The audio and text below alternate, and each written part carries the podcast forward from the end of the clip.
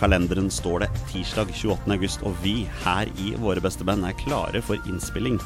Og senere i kveld servering av tidenes aller første episode 54 av podkasten vår. Og det, mine damer og herrer, det er en pod om norsk landslagsfotball. I dag er vi på Ullevål stadion, og vi har meget ålreit besøk i podkasten vår i dag. Mitt navn er Jonny Normann Olsen, og jeg skal guide dere gjennom dagens episode sammen med mine to makkere her i Våre bestemenn. Og jeg begynner dagens introduksjon med selveste hverdagshelten fra Bogerud. Hans hjerte banker ikke bare for norsk landslagsfotball, han har også funnet plass til både Vålinga og Leeds der inne. Det spørs vel om ikke også Oppsal kanskje får en liten plass etter hvert. Petter Hermansen, velkommen til deg. Takk for det. Ja, Hvordan går det med Oppsal for tida? Eh, De spilte 1-1 nå i helgen. Eh, Leder vel eh, sin avdeling med syv poeng, tror jeg. Så Jeg trodde det var mer, jeg. Jeg tror det var syv, men oh, ja, jeg skal ikke si det helt sikkert. Men det, det lukter opprykk. Ja, det cruiser mot opprykk der. Ja, jeg håper det hadde vært veldig gøy. Ja, Henta Drenia de Mai fra Skei der. Ja, det har de også gjort. Hjelper dem videre opp der. Den siste mannen i Våre beste menn er sannsynligvis vårt panels fremste ekspert på Premier League og generell internasjonal fotball, men også han har et bankende hjerte for vårt kjære landslag. Opprinnelig fra Raufoss, noe man ofte hører på dialekta, har vi fått høre, men har forvillet seg til Oslo, hvor han forhåpentligvis blir værende. Torstein Nyland Bjørgo, god dag. God dagen, god dagen. Ja, hvordan går det med Bjørgo i dag? Eh, han er i toppform. Han er i toppform? Ja, Ja. eh, Dette, dette blir bra.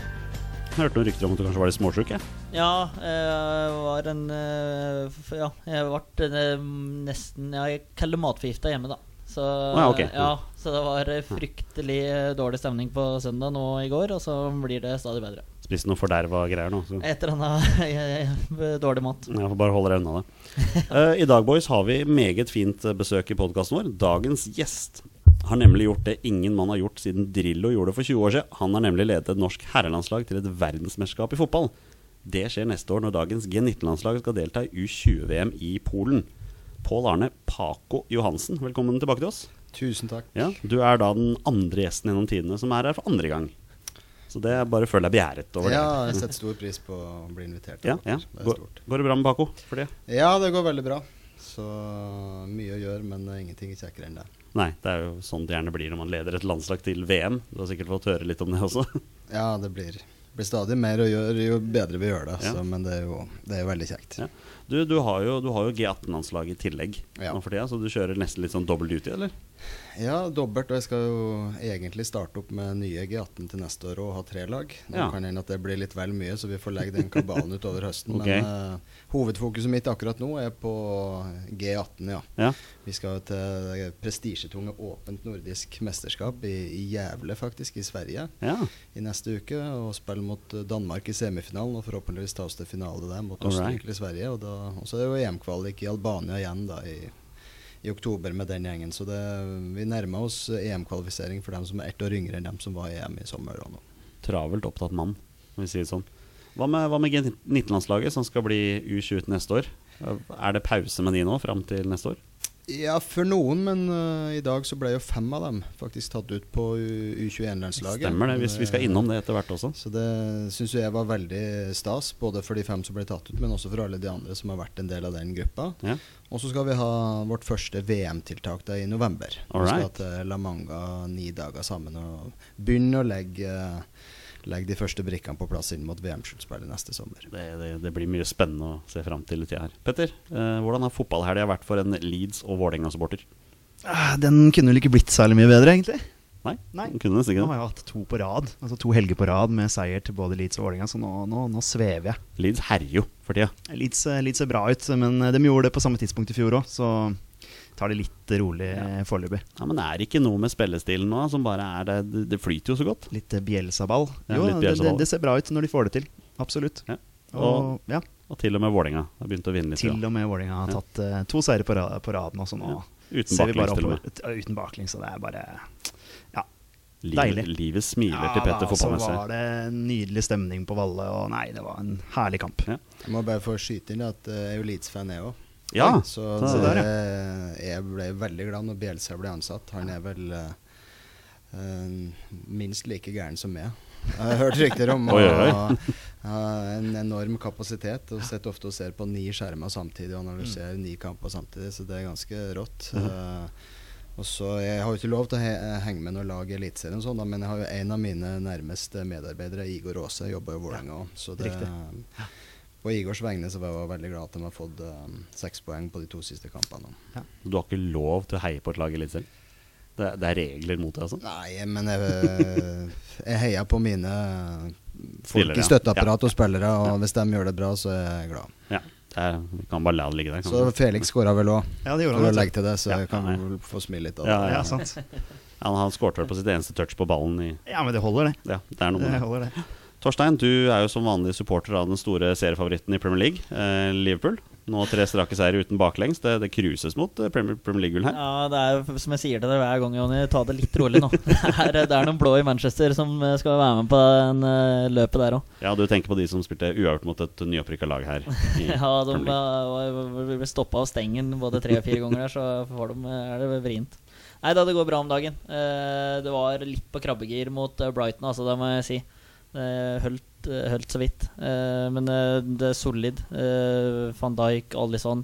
Bra spillere som vi har fått inn der, og en solid keeper nå, da. Endelig fått vekk eh, Karius. Jeg, eller jeg ville jo kanskje at han skulle være der, være der jeg da, faktisk. For at eh, altså, det er menneskelig å gjøre feil, på en måte, sjøl om mange har både skrevet og sagt mye, mye dritt om den.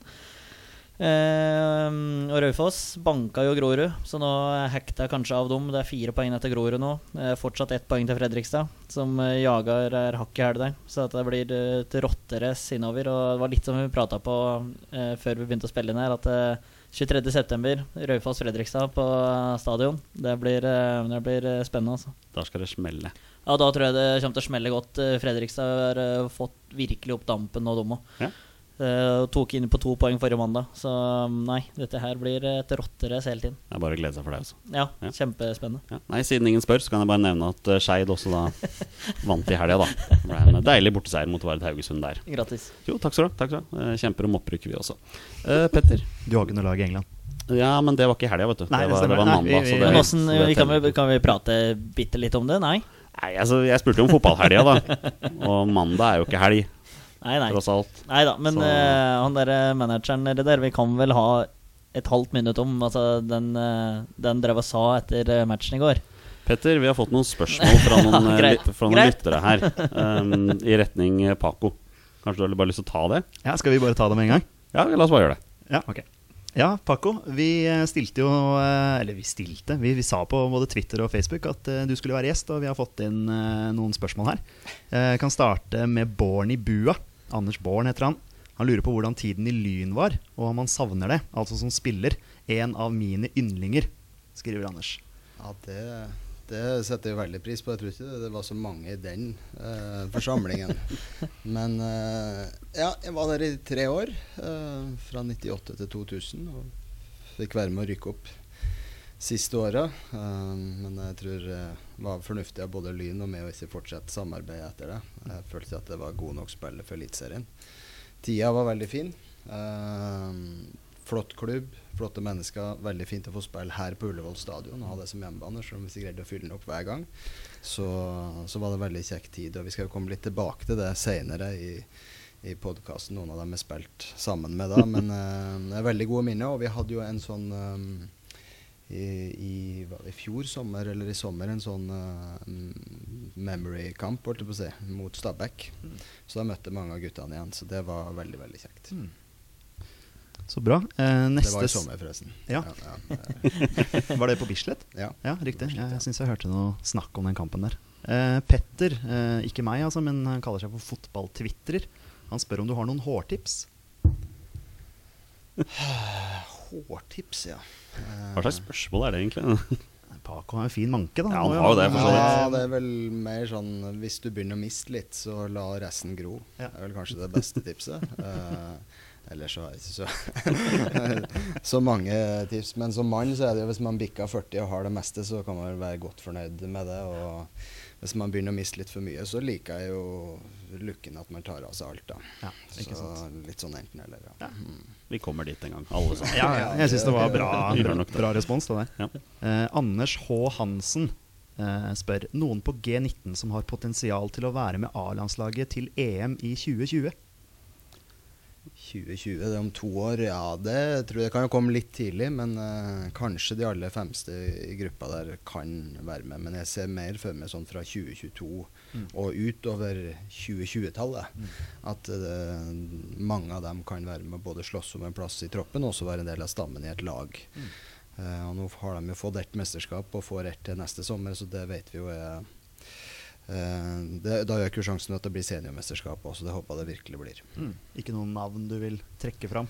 Nei, det er så vanskelig å si når de er 17 og 18 år, men det er klart med de resultatene de har hatt som gruppe nå, så, så det overraske meg veldig om det kommer frem flere profiler som tar steg inn på A-landslaget etter hvert. Så, så jeg er opptatt av at de går eh, skolen litt sånn sakte, men sikkert. da. Så nå er jo, som vi sa i stad, fem av dem tatt ut på U21, og det tror jeg er veldig sunt og riktig å være eh, en god del samlinger og kamper der før man eventuelt tar steget opp. Mm. Steg for steg. Steg for steg, kjedelig, men Ja, lurt. sant. Typisk norsk det der. ja. Uh, Tobias eh, Storhuste Dale han har, han har tre spørsmål. Okay. Er det fortsatt mulig, sannsynlig, å forestille seg at Ødegaard kan ta nivået til å spille for en topp seks-klubb i en topp fem-liga? Ja. Enkelt og greit. Neste Ja. spørsmål, da. Ja. ja. Nei, men det, det holder vel, det? Ja, men Kan jo få en liten begrunnelse. Hva, hva tenker du? Nei, han er vel født i desember 98, så han har vel til rukket å bli 20 20 år ennå. Og vi vet vel at prestasjonsalderen er på sitt beste når du er 27. Mm. Så gi nå gutten litt tid, så tror jeg han er en av dem som absolutt har potensial til det. Ja, Vi er jo veldig glad ned- skyte inn. Vi er jo veldig glad i dette landet her og snakke han ned nå. Merker jo det skikkelig. Altså, for, ja, men Vi er jo litt opptatt av det. Det virker jo sånn. Folk rakker jo litt ned på han nå for at han ikke presterer.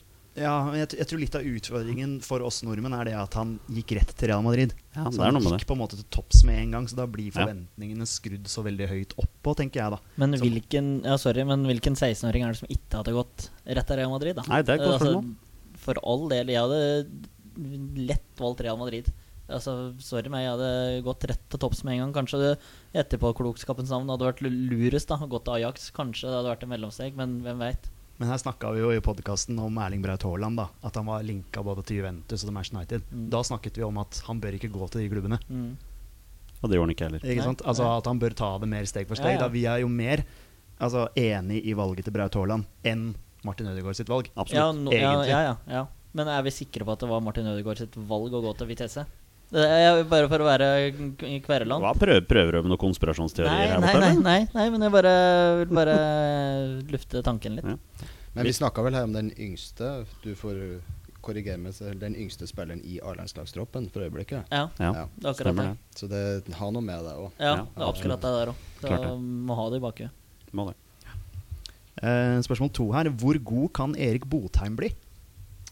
Jeg syns han er ganske god allerede. Ja, ikke sant. Um, men uh, på samme måte som Martin Ødegaard, så er det jo noen år til han når sin Mm. peak. Men uh, Erik syns jeg er veldig spennende spiller. Og går en god skole i Rosenborg med Bentner og Sødlund som uh, lagkamerat og forbilder på en god del i spillet òg. Så gjorde et imponerende EM, både på banen og som en del av gruppa. Så han har det der ureddheten og mo motet i seg som skal til for å nå veldig langt. Så jeg har veldig trua på Erik som spiller. og Nå skal jo han være med eh, G18-landslaget. eh, og, og være med på den reisen der i forhold til det med trinn for trinn. Så han har noen trinn å gå, han òg, men eh, veldig spennende spisstype, Erik. altså. Men han var jo også med i G19-troppen her nå i EM og Ja. spilte masse også. Så det, Ja. er, det, er ikke, det er ikke et steg ned, da? Å gå ned igjen? Nei, jeg syns ikke det. Han, øh, han øh, har bare vært med på to samlinger på G19. Og, Ja.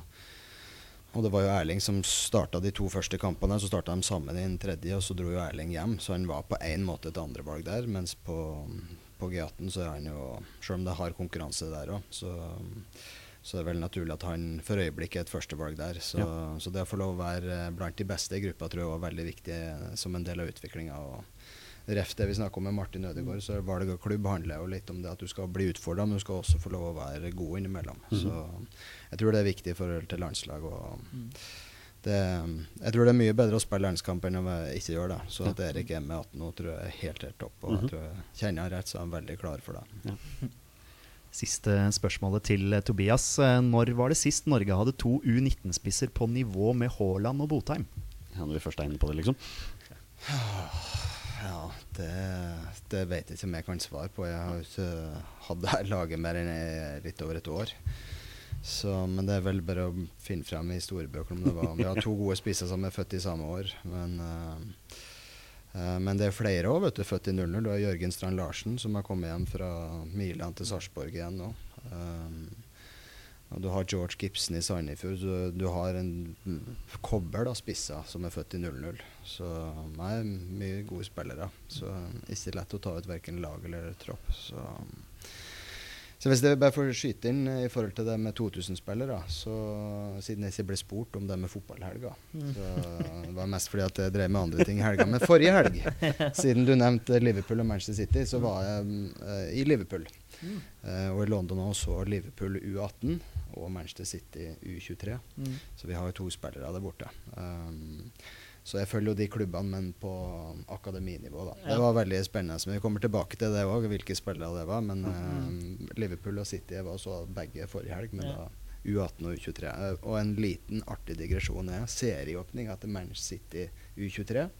Vant 6-5 over Arsenal i første kamp. Og så var jeg og så kamp to mot Westham. Vant de 6-4. Har da 12-9 målforskjell etter to Etter to første kamper, kamper. Så det, det er i hvert fall ja. Guardiola-fotballen. har Satt sine spor nedover i, i alderstrinnet. Det var vel et ganske vilt treningsanlegg der òg, hvis du var og, var og så på det. Jeg var der i fjor Ja. eh, og møtte den spilleren som vi skal komme tilbake til Ja. senere da. eh, og det er fint, ja. ja, det, er, det, er, det er helt sinnssykt Ja, for de ja, som ikke har sett det. det. Det er Ja. høyt nivå. Ja, Og bare beklage at jeg glemte å spørre deg om fotballhelga der. Det var, det var dumt av meg. Var det noen flere spørsmål, Petter? Nei, da er det, da er det tomt her, altså. Alright, da er det på tide å snakke litt om dette mesterskapet Paco var gjennom i sommer. Er du klar for det? Ja, la oss gjøre det. Da gjør vi det. Keeper blir stengt, og det er skåring. Det er skåring, og Ståle Solbakken, som ikke har skåret før denne kampen, gjør sitt andre mål. Da er vi tilbake igjen. Det er mulig det ble litt lydutfordringer i den første delen her. Da beklager jeg det, men jeg tror det skal være fiksa nå. Um, jeg har lyst til å begynne med en applaus. Vi sitter jo her tross alt med en mann som har ledet et norsk landslag til et verdensmesterskap. Det gratulerer vi. Det gratulerer vi med. Takker og Ja, bukker. ja, Det er sikkert ikke den eneste gangen du har fått det. Gratulerer. Men eh, jeg må bare spørre det klassiske spørsmålet. Hvordan føles det å lede et landslag til et VM? Nei, det føles veldig godt. Ja. Det var jo Sto på én kamp da mot uh, sjølveste England der, og det vi hadde jobba for i ett og et halvt år, sto på spill. da Og Tapte vi, så var vi ikke et lag lenger, og vant vi, så var vi et lag i ett år til og fikk reist til VM i Polen, som vi har et nært forhold til. Så det er klart det føltes veldig, veldig godt. Ja, klart det. Du, vi, vi, må, vi må helt tilbake til starten her. Um, når, vi, når du var på besøk hos oss sist, da var det bare et par måneder til selve mesterskapet. Og du snakket jo allerede da om at det kom til å bli litt utfordringer med å ta ut den troppen Mm. til mesterskapet. Men du landa jo på en tropp til slutt. Ja. Hvor vanskelig var det?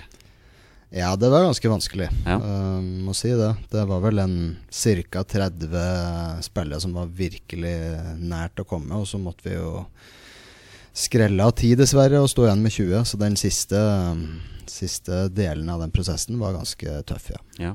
Men uh, du er fornøyd med den gjengen som du slutt endte opp med? Ja, altså Det var jo de jeg mente var de 20 beste. Uh, både hver for seg, men ikke minst totalt sett. Ja. Så, så fikk vi et ganske bra resultat, selv om vi kanskje hadde et håp om å gå enda lenger uh, når vi først var der borte. Så, så er vi bra fornøyd med å, å sitte igjen med VM-billetten. Ja.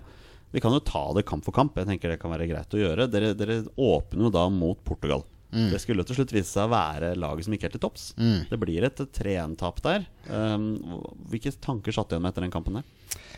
Nei, det var litt sånn todelt. Eh, Portugal vant jo EM uh, når de her var 17 år òg, så de var jo på en måte en ganske tydelig favoritt. Ja. Um, godt lag, og det visste vi Og Jeg følte at vi fikk kampen inn i det sporet vi ønska, men utnytta det ikke godt nok. Eh, og så var Portugal, som de fleste gode lag, de skåra på to mål på en sjanse i, i første omgang. Og så syns jeg det var ganske bra at å spille oss inn i kampen og få redusering, og var jo veldig nært 2-2 òg. Eh, og så kontra de inn et mål helt på slutten, og vi prøvde med den her berømte scenarioplanen vår å få enda en scoring. Men Ja.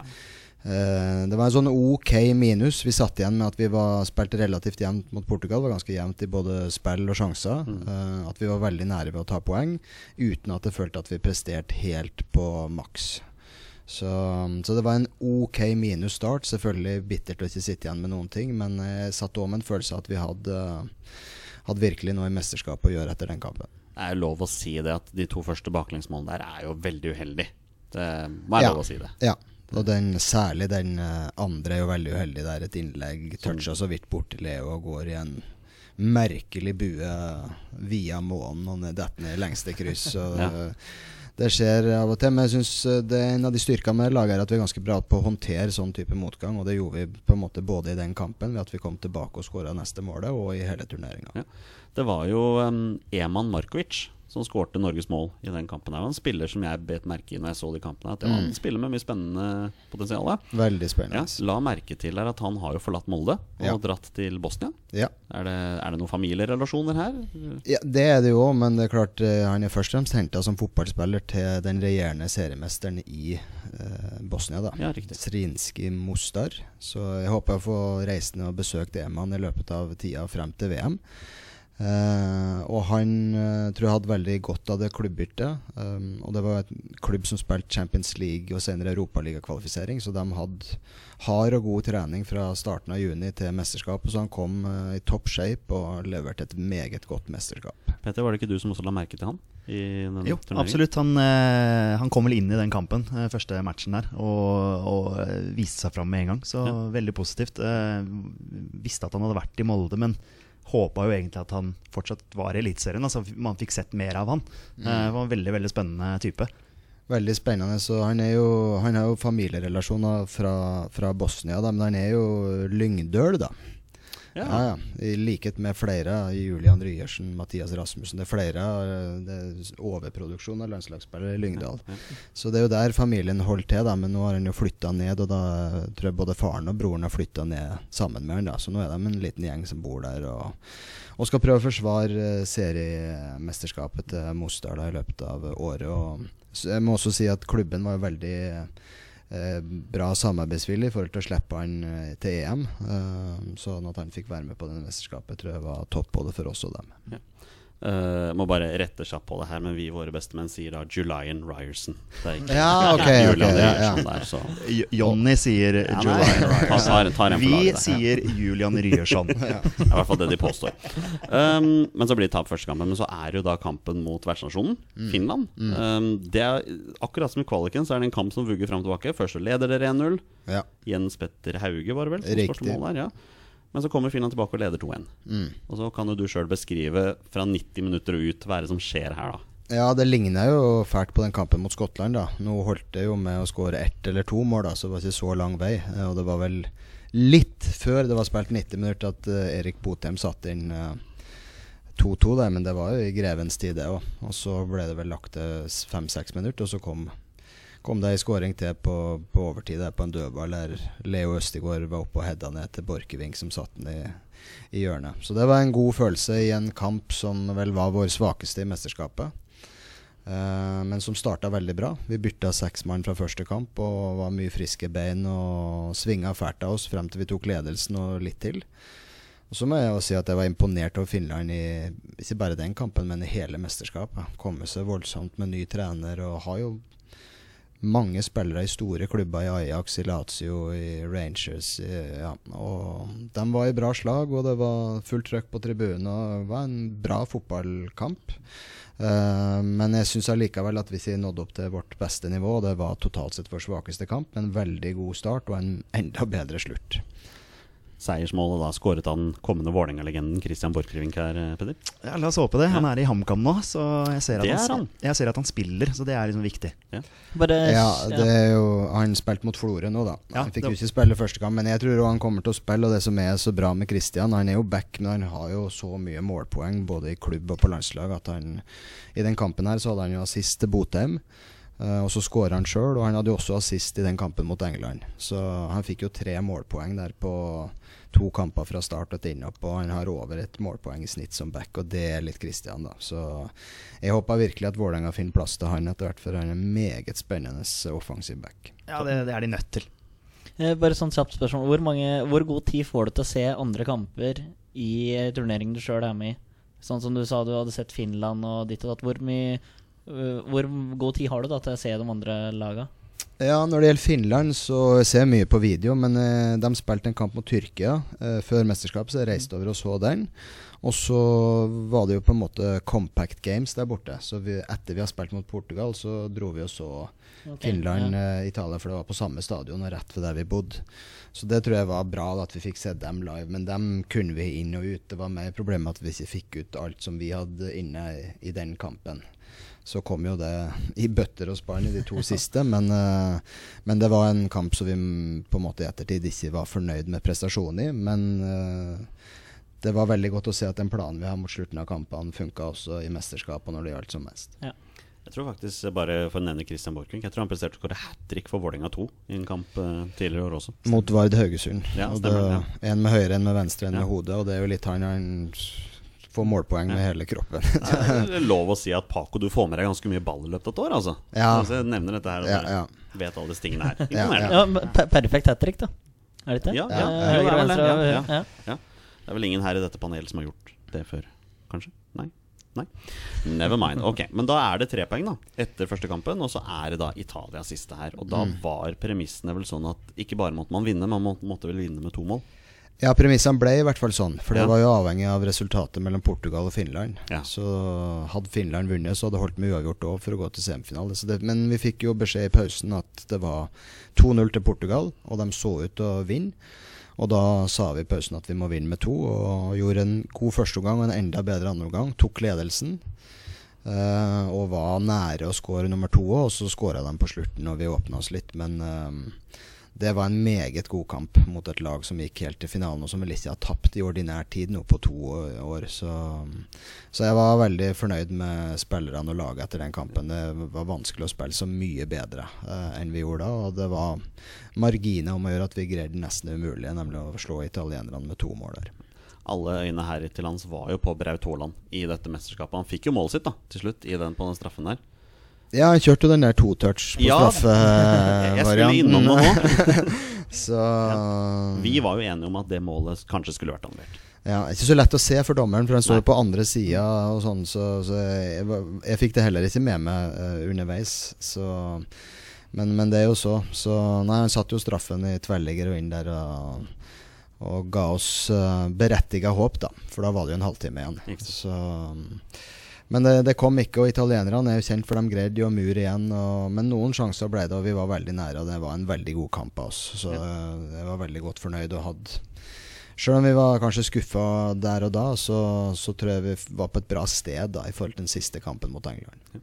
Bare kjapt inn på Så du gir beskjed i pause at Portugal leder 2-0 i sin kamp, så at du liksom du Vurderte du noen ganger bare la den kampen bare gå, altså uten å oppdatere spillerne dine sjøl, eller? eh, Nei, egentlig ikke, fordi at den hadde så mye å si for hva vi trengte i vår Ja. kamp. Så det er så stor forskjell på at det holder med uavgjort, og det at du må vinne med to Mm. mål i forhold til hvordan vi spiller. Og sånn at eh, Og så hadde vi òg erfaring fra kampen mot Skottland, der vi valgte å ikke si noe om, men flere av spillerne sjekka mobilen i pausen. Og så ble jeg enig med at det vi gjør nå, at ingen sjekka den, men at vi gir beskjed ved pause. Og, så, og spillerne tok det veldig proft. Og de, er ganske vant til å spille på resultatet. Så det på slutten mot England når vi leda med 1 og 2-0, der at de var ganske bra på å forholde seg til det. Så altså, jeg var veldig fornøyd med både laget og teamet. Da gjorde vi en veldig god kamp og, mot et godt lag. Så så vi fikk jo da kamp mot begge finalistene. Portugal og Italia møttes jo i finalen. Og jeg syns vi var totalt sett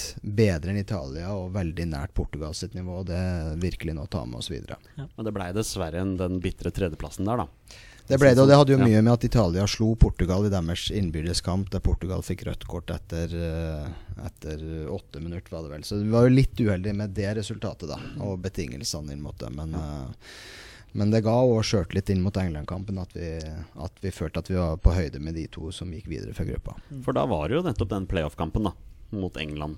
Og Jeg vet ikke med dere, men jeg satt i hvert fall hjemme og fulgte nøye med på sosiale medier her, for den kampen gikk jo dessverre ikke på TV. Litt surt det der. Men 3-0 mot England. Mm. Bare hvor stort er dette her egentlig?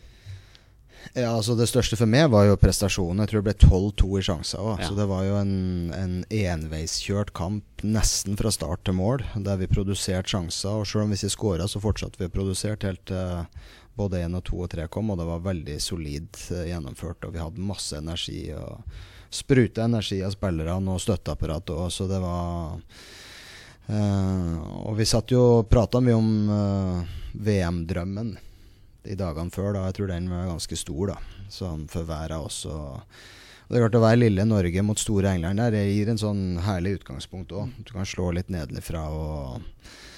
um, Jeg merka at det betydde veldig mye for England, som er regjerende U20-verdensmester, å komme til VM der. Kanskje litt for mye.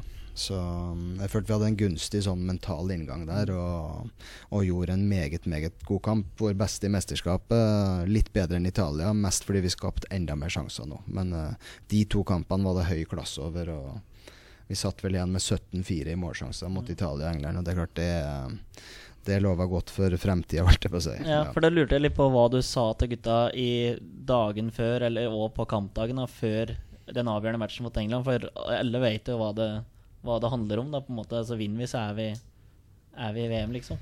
Ja, jeg tror det siste jeg sa til dem, var at når jeg var liten gutt, så spilte VM 1990 i hagen min. Mm. Fordi da var jeg 13 år, så da begynte det å bli i den alderen at jeg så på VM men, uh, og tegna hvordan hagen så ut med mål og trær. Og, og, litt om at det var en drøm som jeg aldri fikk nå som spiller, men at nå er sjansen her for dere, og jeg tror dere har noe Vi snakka mye om den drømmen, da. Ja. Så jeg siste praten var vel fra Hagen hjemme i Brønnøysund. Og hvordan det tredje hedda inn eh, seiersmål i VM-finalen. Så, um, så, det å få være med på det in real life nå, jeg tror det, jeg tror det var en stor greie da for både dem på banen og oss rundt. Ja, definitivt. Kjenner meg så godt igjen. Jeg spilte utallige mesterskap i Torsjåparken da jeg var liten. Også, Ja, for å si sånn.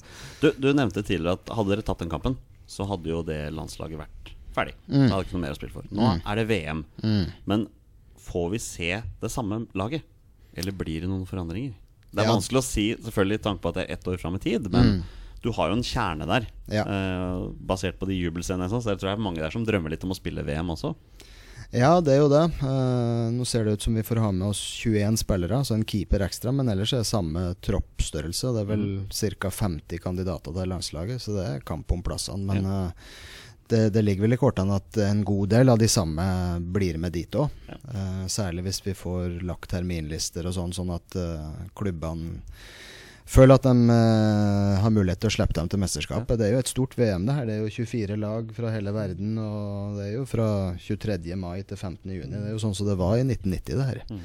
Så, så, så det er svære greier. Men jeg, jeg, jeg tenker at det blir litt for dumt hvis vi i norsk fotball ikke får til å dra med våre beste menn eh, dit når vi er der for første gang på et kvart århundre. Så det, det tror jeg vi får til. Det er gode prosesser på det. Så, men det blir konkurranse om eh, plassene i troppen, og jeg ser at allerede har folk eh, tatt opp hansken, både av dem som var i troppen og ikke spilte så mye, og av dem som ikke var med. Så det blir ikke noen lett oppgave, det heller. Jeg kan bare si det til våre lyttere at når han nevner våre beste menn, så mener det ikke oss i studio her. Han mener jo da selvfølgelig spillerne der. Um, vi skal innom U21. Dere må jo gjerne være med. Over, eh, det, er jo, det er jo i Polen, da. Det er jo ja, det er jo to, to timer å fly og litt lenger å kjøre og ta en båt over, men det, det er i nærheten.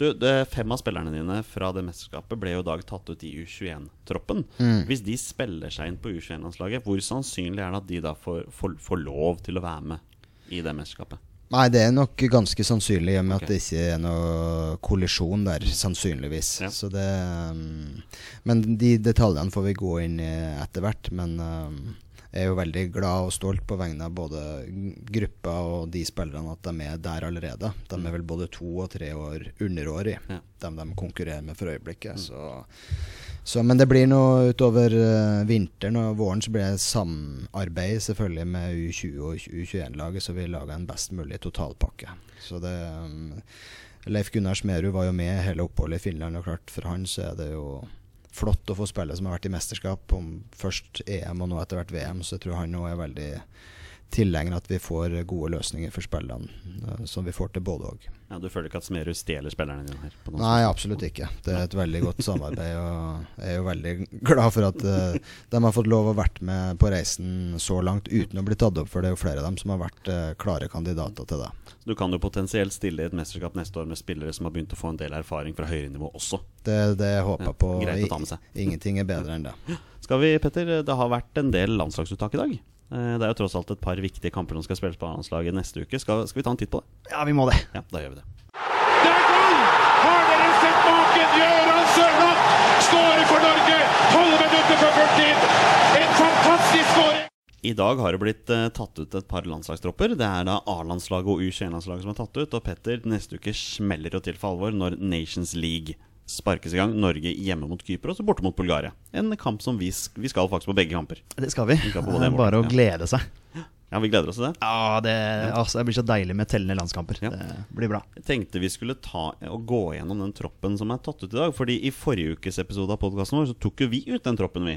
For Lars Lagerbäck. Og vi kan jo si det sånn at han har stort sett hørt på oss her, men det er en og annen som eh, ja, som, som er litt forandring her. Men på keeperplassen så er det utrolig nok ingen overraskelser. Rune Almenning Jarstein, Sten Grytebust og Ørjan Nyland er, er de tre keeperne. Og det er vel sånn det er. Ja, det er sånn det er, og det er sånn det kommer til å bli en stund fremover. Helt til André Hansen skal være førstekeeper. Ja, for du lever fortsatt i troa at han kommer til å bli førstekeeper en gang? Ja, altså, jeg tenker at han er ikke med fordi han veit at han ikke er nummer én. Rett og slett. Det er min tanke, da. Torstein, hva syns du om keepervalget her? Nei, men vi prater på det siste. Det er ingen overraskelser. Og det er helt, helt greit. Vi brukte jo ca. ti sekunder på det siste òg. At det er liksom det, er, det er ingenting å prate om, for det er banka i stein. Ja. Paco, hva syns du om keeperplassene til Norge? Jeg er enig med panelet for øvrig. Ja. det, jeg syns det blir spennende å følge eh, keepere etter hvert, nå som det kommer opp stadig flere som har spilt hele livet uten den tilbakespillsregelen. Og vi har jo noen yngre landslagskeepere som er fenomenale med beina nå, i tillegg til det andre. Så sånn, og du ser det med Manchester City og sånn òg. Så profil på keepere fremover det er et spennende Ja. tema, uten at vi går i dybden på det nå. Nei, vi trenger absolutt ikke å gå, gå helt i dybden på det nå. Um, Jonas Svensson og Omar Labdelawi er våre høyrebacker. Det, det er tydeligvis skrevet i stedet også. Ja, Hvordan skal det være? Amin Nori nærmer seg nå. Eh, Nei. Den kom kjapt. Nei, jeg gjør jo det, men øh, du var jo en varm forkjemper for Borchgrevink her Ja, tidligere, ja, ja, så det, det, det, Absolutt. det ene utelukka det andre. Ja, ikke sant. jeg, så- Ja. Nei, jeg må, jeg må tenke litt på den der. Ja, Jeg vil gjerne ha begge to på banen, ja, da, men det er litt vanskelig. Aminori kan jo for så vidt spille venstreback, men, ja, men jeg vil gjerne se Borchgrevink på Vålerenga etter hvert. Ja, absolutt. På, på venstrebekken derimot, der er det en forandring. Vi tok jo ut, eh, vi tok jo ut eh, Birger Meling og Haita Malesami. Torstein han har tatt ut Birger Meling og Martin Linnes som Ja. venstrebekk. Ja, Men uh, nå er jeg ikke helt oppdatert på alle sami.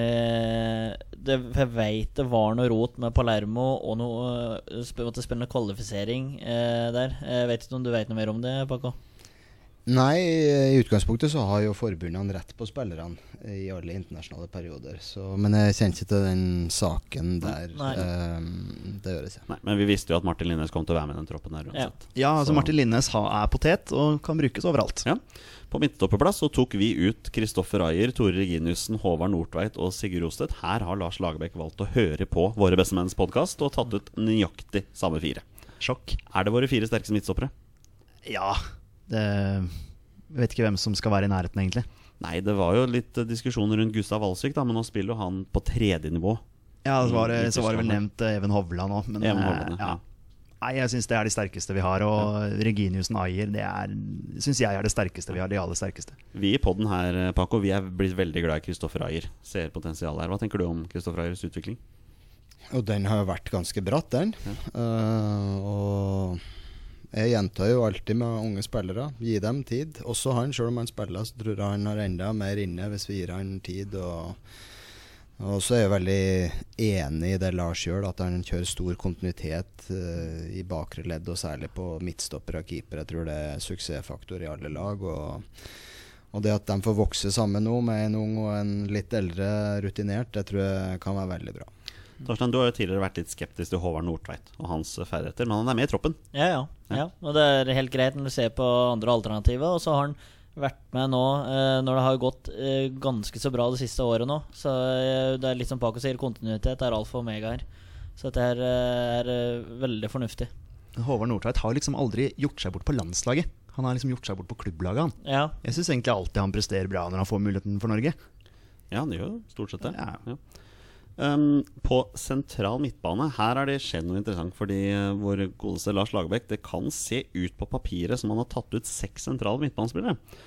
Her har vi nemlig Sander Berge, Iver Fossum, Markus Henriksen, Stefan Johansen, Fredrik Midtsjø og Ole Selnes. Men da tyder vel det meste på at Stefan Johansen er med denne troppen som venstrekant.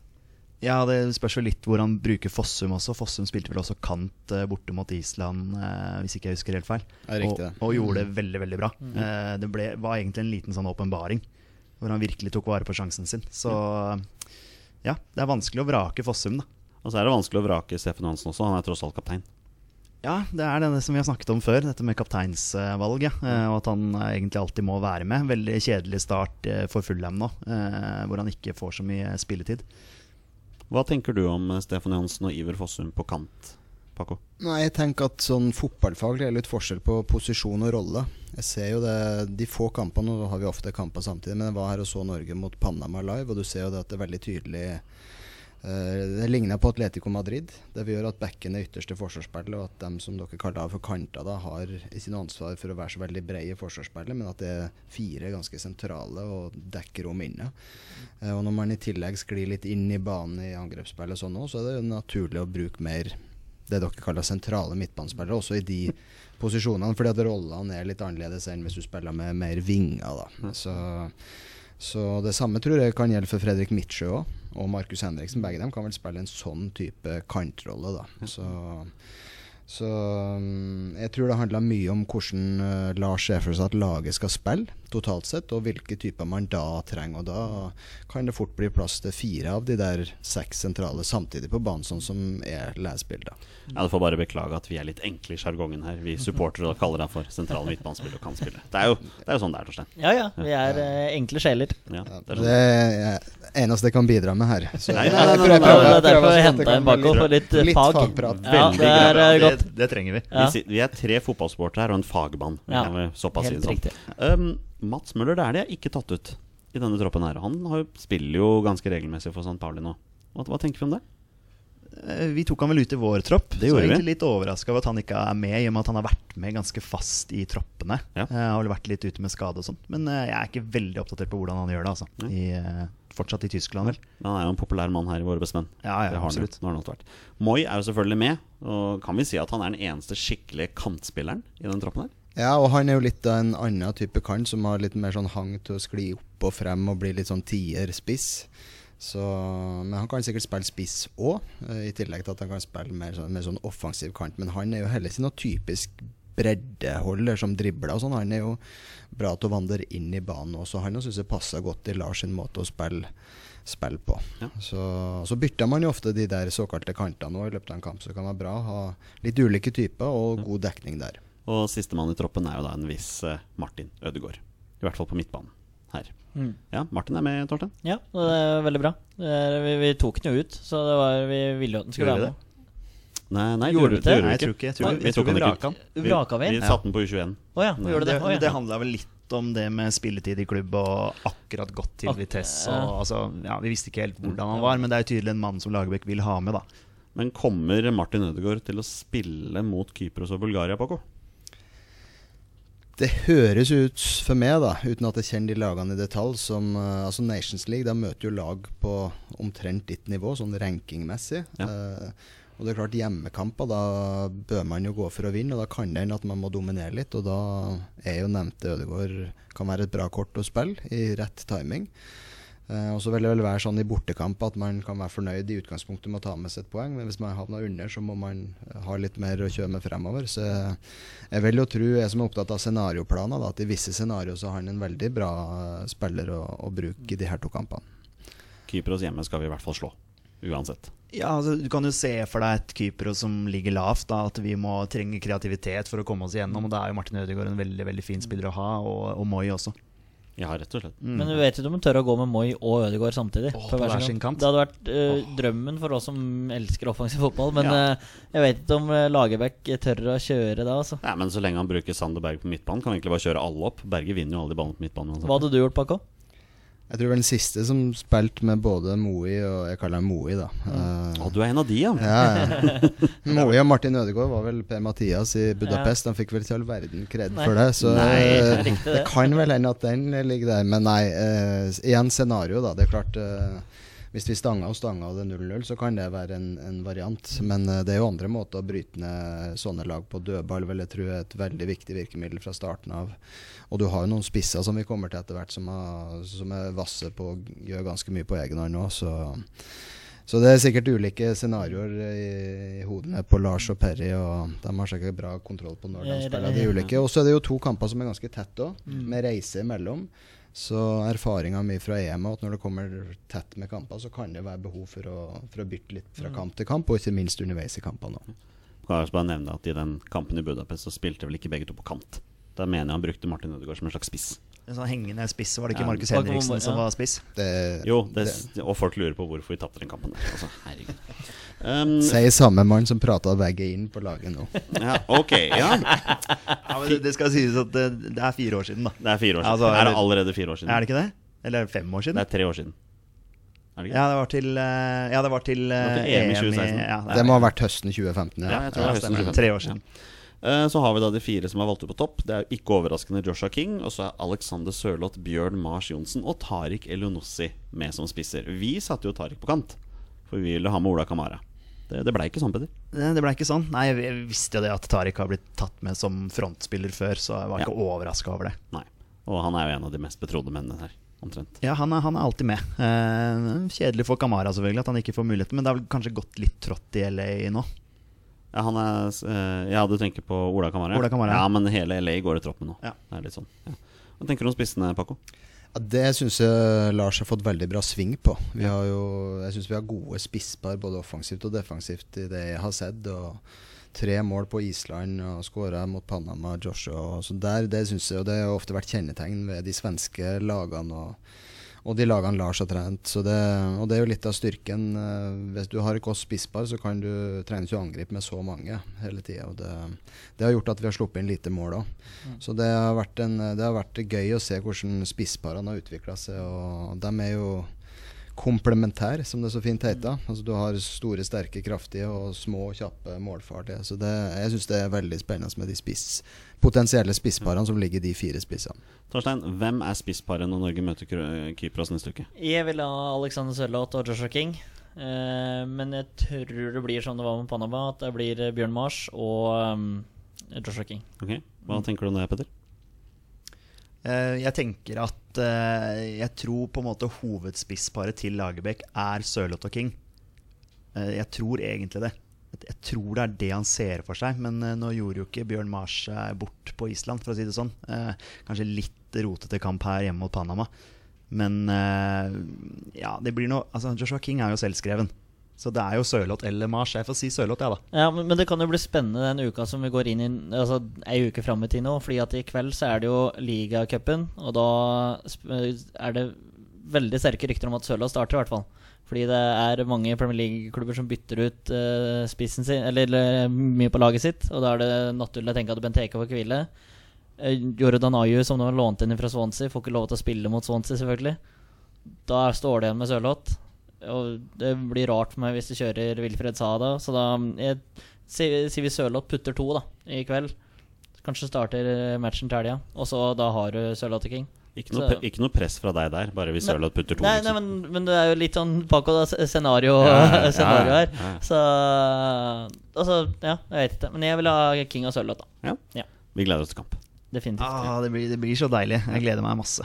Så er jo dette U21-landslaget vårt. da De har også tatt ut tropp i dag. Og da sender jeg ballen over til deg, Paco. Du, jeg kan nesten si sånn Fem av dine gutter er jo da tatt ut i denne troppen. Det er da Nico Mikkelsson fra HamKam, Hugo Vetlesen fra Stabæk, Leo Østigård fra Brighton, Tobias Børkeie fra Stabæk og ikke minst Erling Braut Haaland fra Molde. Ja, Ja. Det er gøy. Ja, det er gøy. Ja. Altså, det må jeg si. eh, Stolt av, og også på vegne av de 15 som var i EM, som ikke er i den troppen akkurat nå. Så sier det litt om den jobben de har gjort òg, med å få frem de her. Så det Nei, stor stas. Ja. Stor stas. Og som vi sa i stad, Leif Gunnar Smerud var jo fulgt hele, hele EM på nært hold. Og, og at han har funnet plass til hele fem, altså en fjerdedel av den EM-troppen allerede i U21, det, det er jeg veldig glad for og stolt av på vegne av meg sjøl og spillerne og støtteapparatet der. Og Nico Mikkelsson fra HamKam har allerede signert for Strømsgodset, så han skal dit etter sesongen. Det er riktig. Ja, blir værende ut HamKam, da. Ja. Uh, ut sesongen. Ja. Litt uheldig sommer her når han lot seg avbilde med Strømsgodset-drakta mens han fortsatt er i HamKam. Men eh, nok om det. Hugo, Hugo Vetlesen er jo en mann som har vært i podkasten vår før, og der har vi en potensiell stjernespiller. Så hvor, hvor god kan Hugo Vetlesen bli? Paco? Ja, jeg får være kjedelig som vanlig, så jeg får gi han noen år, da. Men uh, det er klart han kan bli Han kan bli bra, han. Eh, og han har jo Han har vel runda 50 kamper i Eliteserien, eller i hvert fall for A-lag til Stabæk. uh, om, og han har vel nettopp blitt 18 ja. år. Så mm, det lover godt. Ja. Det lover godt. Så, mm, så han er tatt ut sammen med Børke, så de har spilt en god del sammen på Ikke sentral sant, midtbane for Stabæk, nå senest når de slo Molde, vel. Så det er klart det, mm, det er to veldig spennende midtbanespillere Stabæk har der. Petter, hva var det, hva var det Hugo Vetlesen sa sjøl når han skulle beskrive fremtidsutsiktene sine Når han var i podkasten vår? Jeg husker det nok ikke ordrett, men han sa jo noe om at han skulle spille på A-landslaget innen to-tre år. var ikke det han sa? Ja, det var det han nevnte sjøl, ja. Ja. Altså det, Så han eh, legger, jo list, her, legger jo lista litt sjøl, men det sa vi jo vi, og vi elsker jo spillere med ambisjoner. Og eh, en spiller med ambisjoner, det var jo Leo Østegård. Han valgte jo da å dra til Brighton i sommer. Hva tenker du som spillerutvikler av det valget framfor å spille fast i Eliteserien? Så drar han sannsynligvis til en reservelags-U23-tilværelse i Brighton. Ja, altså det er jo Vi merka det i EM at nesten samtlige i troppen står litt i det der spennende hva å gjøre nå. Delvis fordi at når du er 15 år, så får du lov til å skrive proffkontrakt, men bare tre år. Så de fleste er ved en sånn her andre kontraktsveiskille. Det var jo f.eks. med Nico Mikkelsen det samme. Han er vel på utgående kontrakt, og det, da kunne han signere for en ny klubb. Jep. Um, sånn at det, og det der med karrierevalg er jeg veldig opptatt av, men det er veldig viktig. Og jeg bruker jo alltid Moi, da, for å kalle han fortsatt det, som eksempler på, på en som har gått en vei jeg mener er veldig bra. Der han begynte i Sarpsborg, fikk spille litt i det som heter Adeccoligaen. Så tok han steget opp i Eliteserien med Sarpsborg, og så gikk han til Molde. Fikk europacuperfaring, og så gikk han til Basel, for han nå er i Premier League, som er drømmen til mange av de spillerne. Så det er jo én rute som jeg, jeg, jeg på en måte kan anbefale. Da. Så finnes det andre veier òg. Jeg tror det sier til alle spillerne det handler mye om hvor mye får du spilt, på hvor høyt nivå, og hvem trener du med. Så det er klart Hvis Leo får trent fast med A-laget til Brighton og får spilt eh, De er jo på øverste nivå for U23 da. Uh, I nevnte serie med Manchester City, blant annet, som har 12-9 målforskjell etter to kamper. Eh, så han får litt å brynse på der. Det var gode spisser der. Eh, og får det som kamparen, og så muligheten til å spille. Og Hvis det er klart, hvis han kan gå inn og spille i Premier League i løpet av et år eller to, så er det bra. Men hvis man ikke gjør det, så litt som vi snakket om Martin Ødegaard i stad, hva gjør man da, og hva er liksom løsningen der? Og nå har vi hatt et par spillere i Brighton, Henrik Bjørdal og Mathias Nordmann, som begge har foreløpig da, i tatt seg på første dag. Og har, har litt sånn Henrik har jo måttet svinge mange ganger i karrieren sin via Göteborg, og nå er han vel i Belgia. Uh, sånn at det er litt sånn uh, blanda det. Men hver sak er individuell, men det er veldig viktige valg, det der. Og jeg, jeg har prata med mange av spillerne om veivalg nå. Jeg kan ikke si gå dit eller dit, men jeg kan si få spilt mye på høyest mulig nivå, og vær viktig i det laget du spiller på. Jeg tror i hvert fall sånn som ligaen i Norge nå, så er det en veldig farbar vei, sånn som Moe har gjort, å gå gjennom og på en måte beherske og være god i Eliteserien før man går videre. Og så er det andre veier via utlandet. Så, så det der er ikke noe på en måte eksakt vitenskap, men eh, jeg er spent på dem som drar tidlig til, til England og på en måte ikke går rett inn og spiller på førstelag i en klubb, hvordan det blir. Eh, samtidig vil jeg si at de kampene der borte som jeg var så forrige helg, det er veldig spillerutviklende. Altså det er en veldig sånn spillende fotball der det blir krav til teknikk, ferdighet, forståelse. Så um, litt dosering av det kan være fint, men jeg syns fortsatt Eliteserien er et veldig bra alternativ. Veldig bra alternativ. Du nevnte Henrik Bjørdal her. Han er også med i denne U21-troppen, og han har da dratt til Sulte Varegem i Belgia.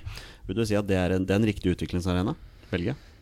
Ja, det er jo en liga litt på linje med det som Erling har valgt å dra til nå. Altså en, et par hakk opp fra den norske ligaen, men ikke helt opp i topp fem. Nei. Eh, og så kjennes ikke forholdene til Henrik så godt nå, men det handler igjen om hvor mye får han spilt på hvor høyt nivå. Sånn Får han spilt fast helg etter helg i jubiler liga, det heter, så, så er det helt topp på det her tidspunktet i karrieren. Da. Vi må, vi må nesten ta noen ord om eh, Erling Braut Haaland her også. Når først er inne på det Det var jo etter A-landslagsuttaket i dag, så var det jo diskusjon om han, da om han skulle vært med. Torstein, hva var det TV 2 skrev her på når Haaland ikke var tatt ut? Det var vel at han var vraka. Da. han var vraka. Ja. Det er vel feil ordvalg for en som skal debutere på U21? Ja, det må man ikke ha vært med på nå, for man kan vrakes Jo, det er det- det er det vi tenker òg. Innbill meg at det ordet sånn Du må ha kjørt bilen før du vraker den. Så det er ikke litt sånn, så Nei, han er jo, han er jo tvert imot løfta opp. Så han er jo da ikke med på G18, som han kunne vært, men han er da løfta opp på U21 og er da tre år underårig der. Så det er veldig sjelden at man gjør det. Det siste det skjedde med, var vel Martin Ødegaard. Så, så jeg tror vi Det er jo det som er på en måte fakta, da. Så har vi jo prata om spissene på A-landslaget allerede, og deres fortreffelighet og hvor vanskelig det er å ta ut to av de fire. Så det er klart å stille seg i den køen nå, tror jeg er dumt. Det er vel lov å si at Erling Braut Haaland rett og slett er altfor god for G18-landslaget nå. Ja, det Han er, holder jo alder, da, men det er klart han har vært med på hele den reisen med 19 og får sannsynligvis med seg VM til neste år. Så Ja. han er på en måte én runde foran dem som er like gamle enn seg, men vi skal heller ikke ha for mye hastverk med han. Og jeg syns U21 nå i høst, med de spennende utfordringene som står der, er midt i blinken for han. Jeg må bare ta et siste Erling Braut Haaland-spørsmål før jeg går videre her. Han har jo signert for Red Bull Salzburg, men han skal fullføre sesongen i Molde. Det vil si at når han drar til Salzburg, så er de midt i sesong. Ja. Hvordan tror, hva, hva, tror du det vil ha noe å si for hans mulighet for spilletid?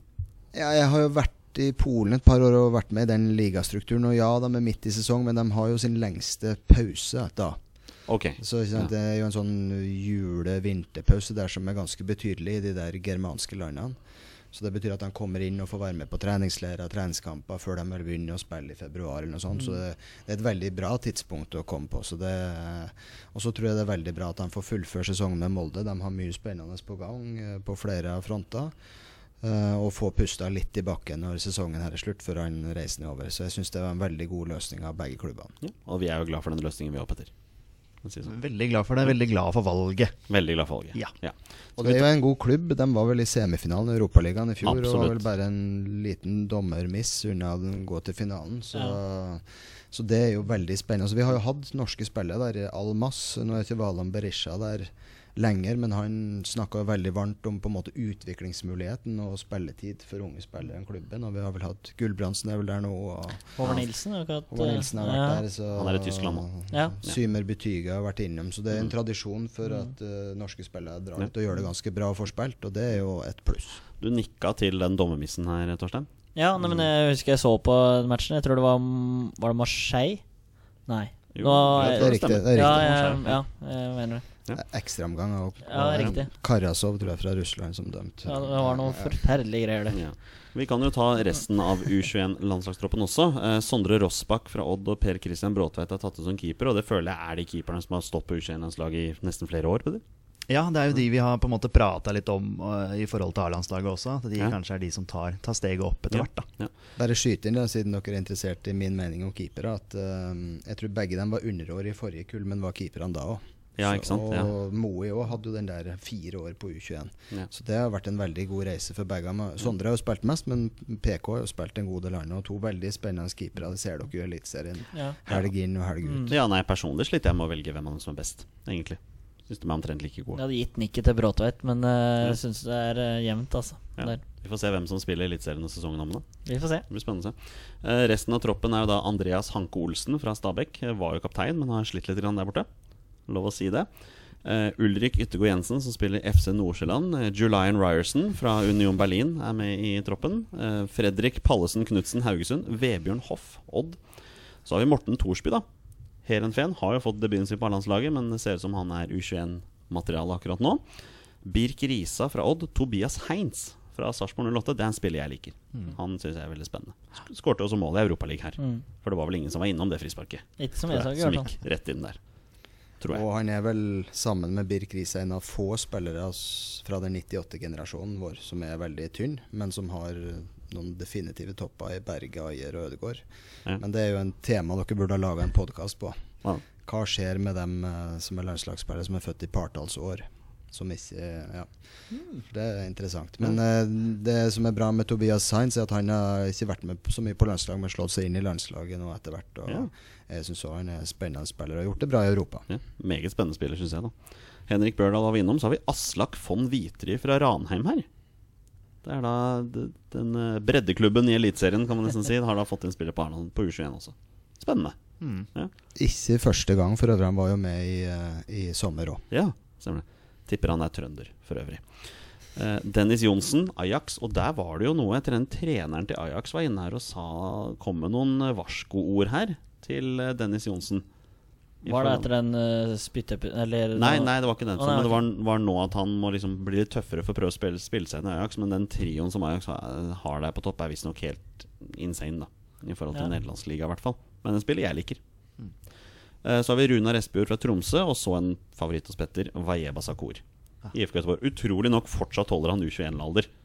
Før du har hørt om han Ja, det er en sånn spiller du har hørt om lenge. nå. Eh, også en sånn spiller som tok det, det Juventus-valget hvor han blir en av 100 spillere i systemet der. Altså, Ja.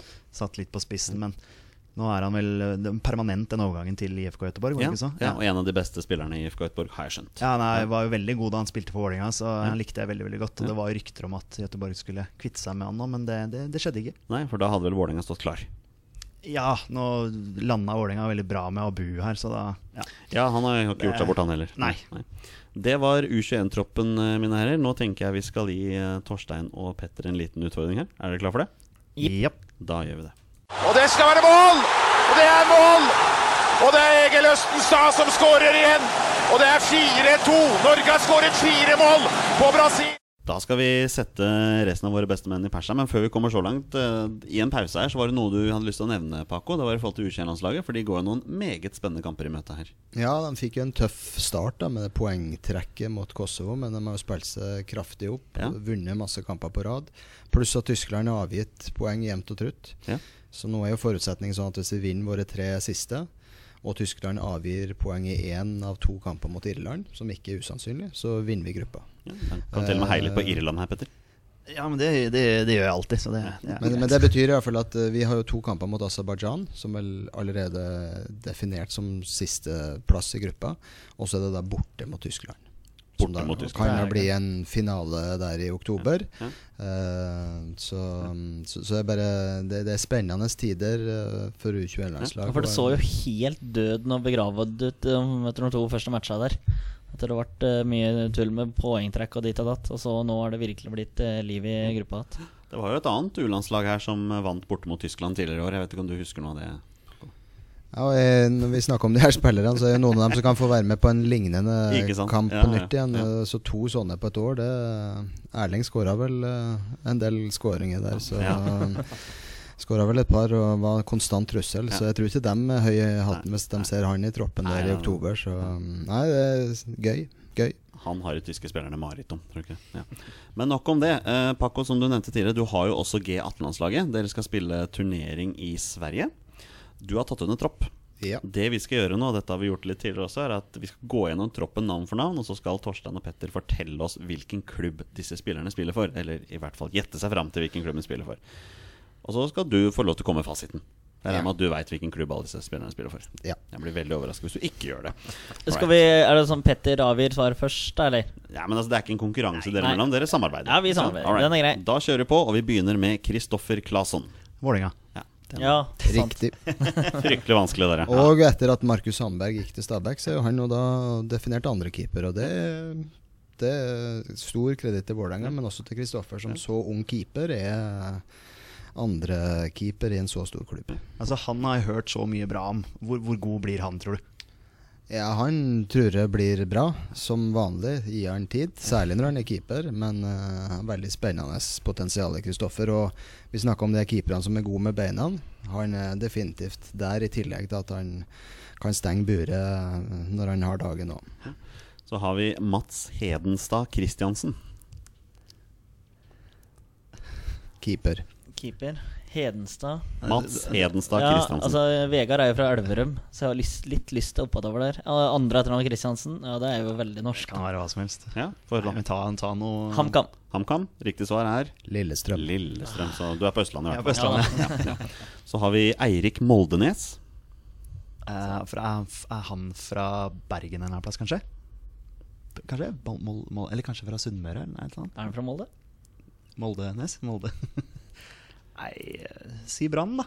Brann. Riktig svar er Brann. Det er helt riktig. Hæ? vet du. Hæ? Så har vi e Erik Tobias Sandberg. Erik Tobias Sandberg. Han er sikkert fra Kanskje fra Stabekk? Stabekk. Stabæk. Stabæk. Riktig svar er Lillestrøm og han har jo fått sin debut i Eliteserien. Han har spilt en del uh, Ja, men det stemmer, det. midtstopper, Ja. faktisk. Stemmer det. ja. Så har vi Jesper Daland.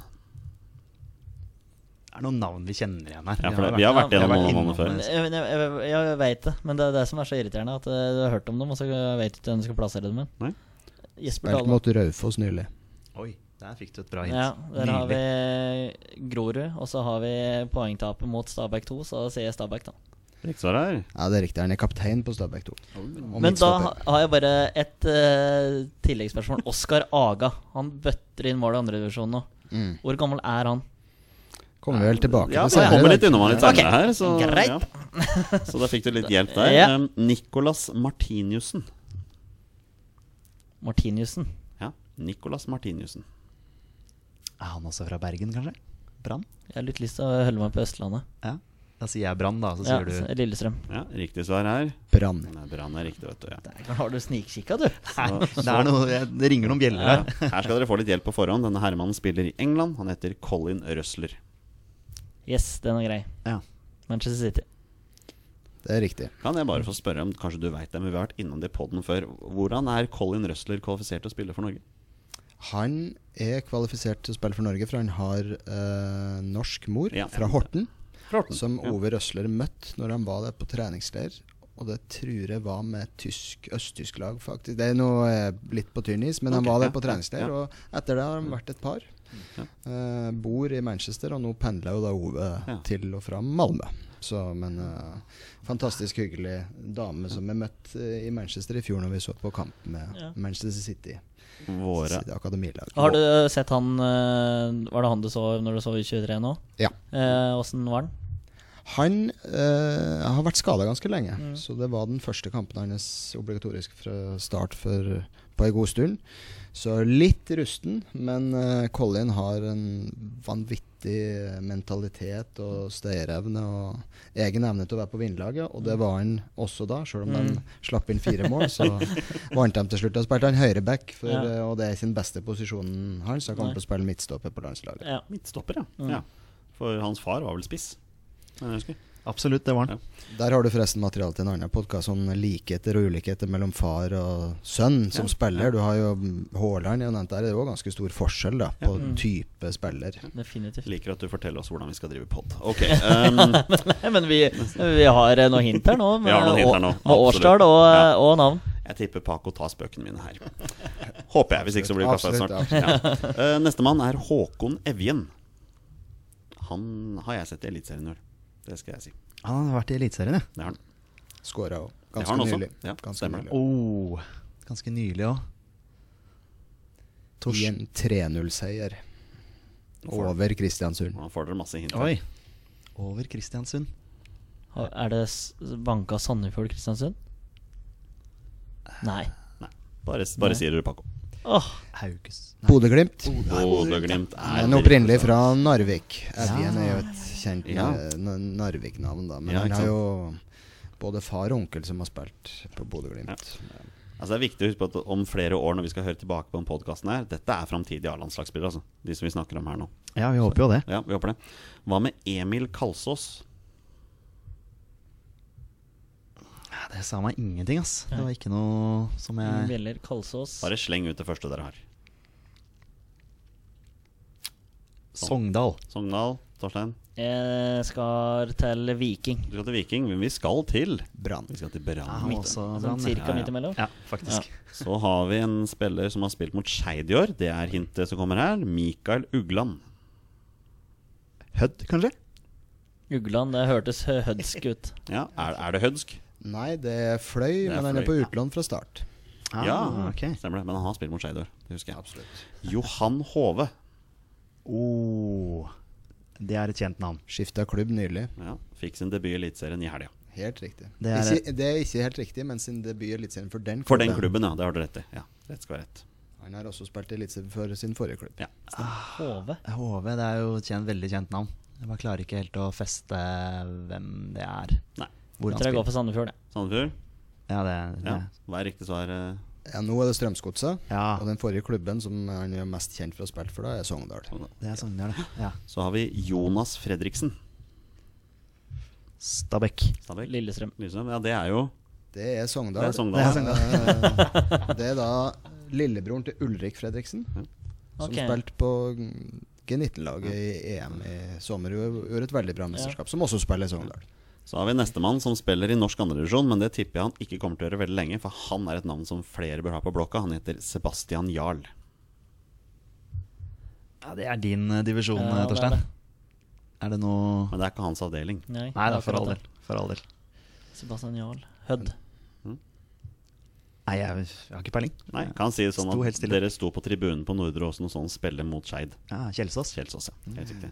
Det er, det er en bauta, altså. Ja, det Og var det han som putta òg, eller? Nei. Nei, det er han Jesper Taie. Han, Ja, det var han. Men uh, Sebastian Jarl, han svære mi- midtbanespilleren. Ja, riktig, riktig. Ja, han, ja. Det ja er jo riktig. nok et bevis på hvor potent uh, andredivisjon er blitt nå, også for spillerutvikling. Absolutt. Og Ja. Han har vel stått i midtsirkelen der i hele år, og på et lag som har gjort det overraskende bra. Ja, for det- han uh, tenkte jeg over. Altså han midtmannsspilleren og, ja. og han uh, Taie. Som Han ja, Ja. ja, virkelig, altså. Så har vi Markus Solbakken.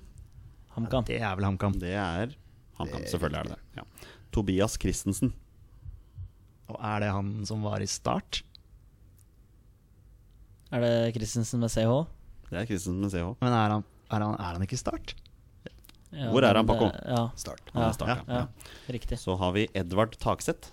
Ja, Ja, det er, den kan du, få- ja den kan du få si. skal vi til Liverpool, da. Det skal til Liverpool. Jeg bare ta den for deg, Paco. uh, Ja. Ø, s- unnskyld, Jonny. Åssen var han? Skada. Ja, fordi, Eh, fordi jeg Men, eh, veit bare- han har slitt lenge. Bare, Nei, uh, han hadde en skadeperiode skadeperiode fra februar til juni. Ja, riktig. han spilte serieåpninga mot så 15 Nei, mot uh, unnskyld, Sunderland. Vant 6-0. Mm. Men så fikk han en skade i den kampen etter en time. En ankelskade som er ganske liten. Så han sto over mot United når jeg var der forrige okay, gang. jeg er ja. igjen til landslagssamling. Som er den eneste 2001-spilleren som er løfta opp på det landslaget nå. Mm. Tilsvarende det Braut Haaland ble gjort i fjor, sammen med Vetlesen. Ja. Husker, husker jeg så han spille på Norway Cup for et par år siden. Det var helt latterlig hvor god han var da. Men- Ja, det fins jo noen klipp på YouTube Mm. av Ja. det, og det er helt riktig. Latterlig god er rett beskrivelse. Det er lov å si at du har en talentfull tropp her. Enig. Ja. Uh, fire mann igjen. Haldor Stenevik. Hva er det første navnet som popper opp her, Torstein? Sogndal. Brann. Brann. Riktig svar er Brann. Brann, vet du. Det er riktig. Nylig tilbake etter utlån i Nessotra. Ja, ikke sant. Hva med Philip Møller de Laveris? Ja, det er sånn, navn jeg har hørt før. Ja. Hvis, hvis du fulgte nøye med Eliteserien, hans eh, nåværende klubb eh, smalt til med en pressekonferanse for å annonsere at han hadde signert eh, kontrakt med klubben sin. Ah, Odd, da, sikkert. Det er riktig. Ja. Og så er han jo opprinnelig Oslo-gutt som har flytta ned dit. Men hans, jeg tror hans far, Delaveris-navnet, hvilket land kommer det fra? Jeg hadde lyst til å si Hellas. Det er riktig. Ja, det, Den traff du bra på. Ja, ja. Kan flakse blant jeg også. uh, Jørgen Strand Larsen. Uh, Jørgen Strand Larsen er også det der veldig kjente navnet. Det var ikke han som var tilbake i en eller annen eliteserieklubb nå? Nei. Riktig. Ja, det var det. ja Mm. Sarpsborg? Det høres mest riktig ut, men jeg tenker Ja. Ja, det er riktig. Det er riktig, det. Er ja. Og Og siste, sistemann. tre eliteseriekamper på rad nå. Ja, han har riktig. spilt i helga mellom det Europaligaen, så han spiller alle tre helgene. Ja. Ja. Og sistemann i troppen til Paco her er Erik Botheim. ja. Da skal vi ta Trøndelag. Da blir det Rosenborg. Ja. Stemmer det. Det er bra tropp, altså. Det blir- lyngutt, da. Ja. Er. Det er jo veldig interessant at en tidligere lyngutt havner i Rosenborg. Nei, det er jo noen som flytta. Jeg nevnte jo Philip som flytta fra Oslo. Martin Vinjord flytta til Kristoffer Ayer. Ja, Ja, ikke minst. Så det er lov, det òg. Det er Ja. mange som flytta til Oslo, men Ja. det er noen suksesshistorier. Men det med Ayer var vel han flytta vel fordi foreldrene skulle jobbe? Ja. Eller noe sånt, tror jeg. Ja, jeg tror ikke det var. Han, De andre her flytta jo alene. Ja, og det gjelder jo? Takseth til Liverpool Ja, og, ja, og flere. Riktig. så- Men apropos svære kamper, da. Vi har jo Old Firm nå på søndag, tror jeg. Med Ayer. Så det kan jo bli spennende å følge med på. Det kan bli gøy. Mm. Ja. Vi, vi smeller til med G17-troppen òg, når vi først er i gang. Den er det Gunnar Hall som har tatt ut, men jeg veit ikke om du kan klubben til alle disse spillerne, Paco? Neppe, men jeg kan prøve. Ja, vi prøver. Hvis ikke, så tar jeg det. Jeg, jeg må være med og gjette noe. Ja, Vi slenger på, gjør vi ikke det? Rasmus Sandberg. Ja, det er Rosenborg. Det er Rosenborg. Keeper. Ja, det veit du. Ja, hvis, hvis du veit det, så trenger du ikke å si noe. Nei, nei, jeg ser på dem. Ja, det er helt greit han Ja, sier det, så vi vi, får fortgang her. Det er ikke sikkert. Ja. Nei, ok. Uh, Oliver Petersen. Han er klar for den klubben. Han kom fra Follo for ikke så lenge siden. Det er et helt ukjent navn for meg. Det Ja. Nei, nei, men da må du gjette. Første navn Ja. som popper opp. Eh, da er- han er klar for en eller annen eliteserieklubb, sikkert. Det er han. Tromsø. Tromsø. Eh, Ja, Hvis han kommer fra Follo, kanskje han har gått til en annen østlandsklubb, da. Eh, Sarpsborg? Sarpsborg. Han har gått til Nei, jeg vet ikke. Nei, okay. ok. jeg, jeg vil tippe Vålerenga, kanskje. Han har gått til Molde. Molde. ok. Harald Martin Hauso. Vålerenga. Vålerenga. Det er helt riktig. Oskar Oppsal. Ja, Vålerenga. Det er også Vålerenga. Helt riktig. De, de kan jeg. Thomas Rekdal. Fredrikstad. Fredrikstad. Ja, helt riktig. riktig. ja. Joshua Kitolano. Odd. Ja, det er også riktig. Her kommer den kjente navn på rekke og rad. Runar Hauge. Eh, Bodø-Glimt. Bodø-Glimt er riktig. Oskar Aga. Ja, riktig. Nei, Altså det- Stabæk. Ja, Stabæk. Ja. Ja, nettopp. Sorry. Ole Martin Kolskogen. HamKam. HamKam. Den kan jeg. Den kan du. Ja. Åsane. Åsane, vet du. De oransje. Josef Bakai. Kan jeg også. Også sånn kjent navn. Ja, dere har vært innom han Ja. før her òg. Ja. Lillestrøm. Lillestrøm, ja. Leo Kornic. Vålinga. Vålinga. Og så har vi en spiller som spiller i Tyskland. Han heter Sander Christiansen.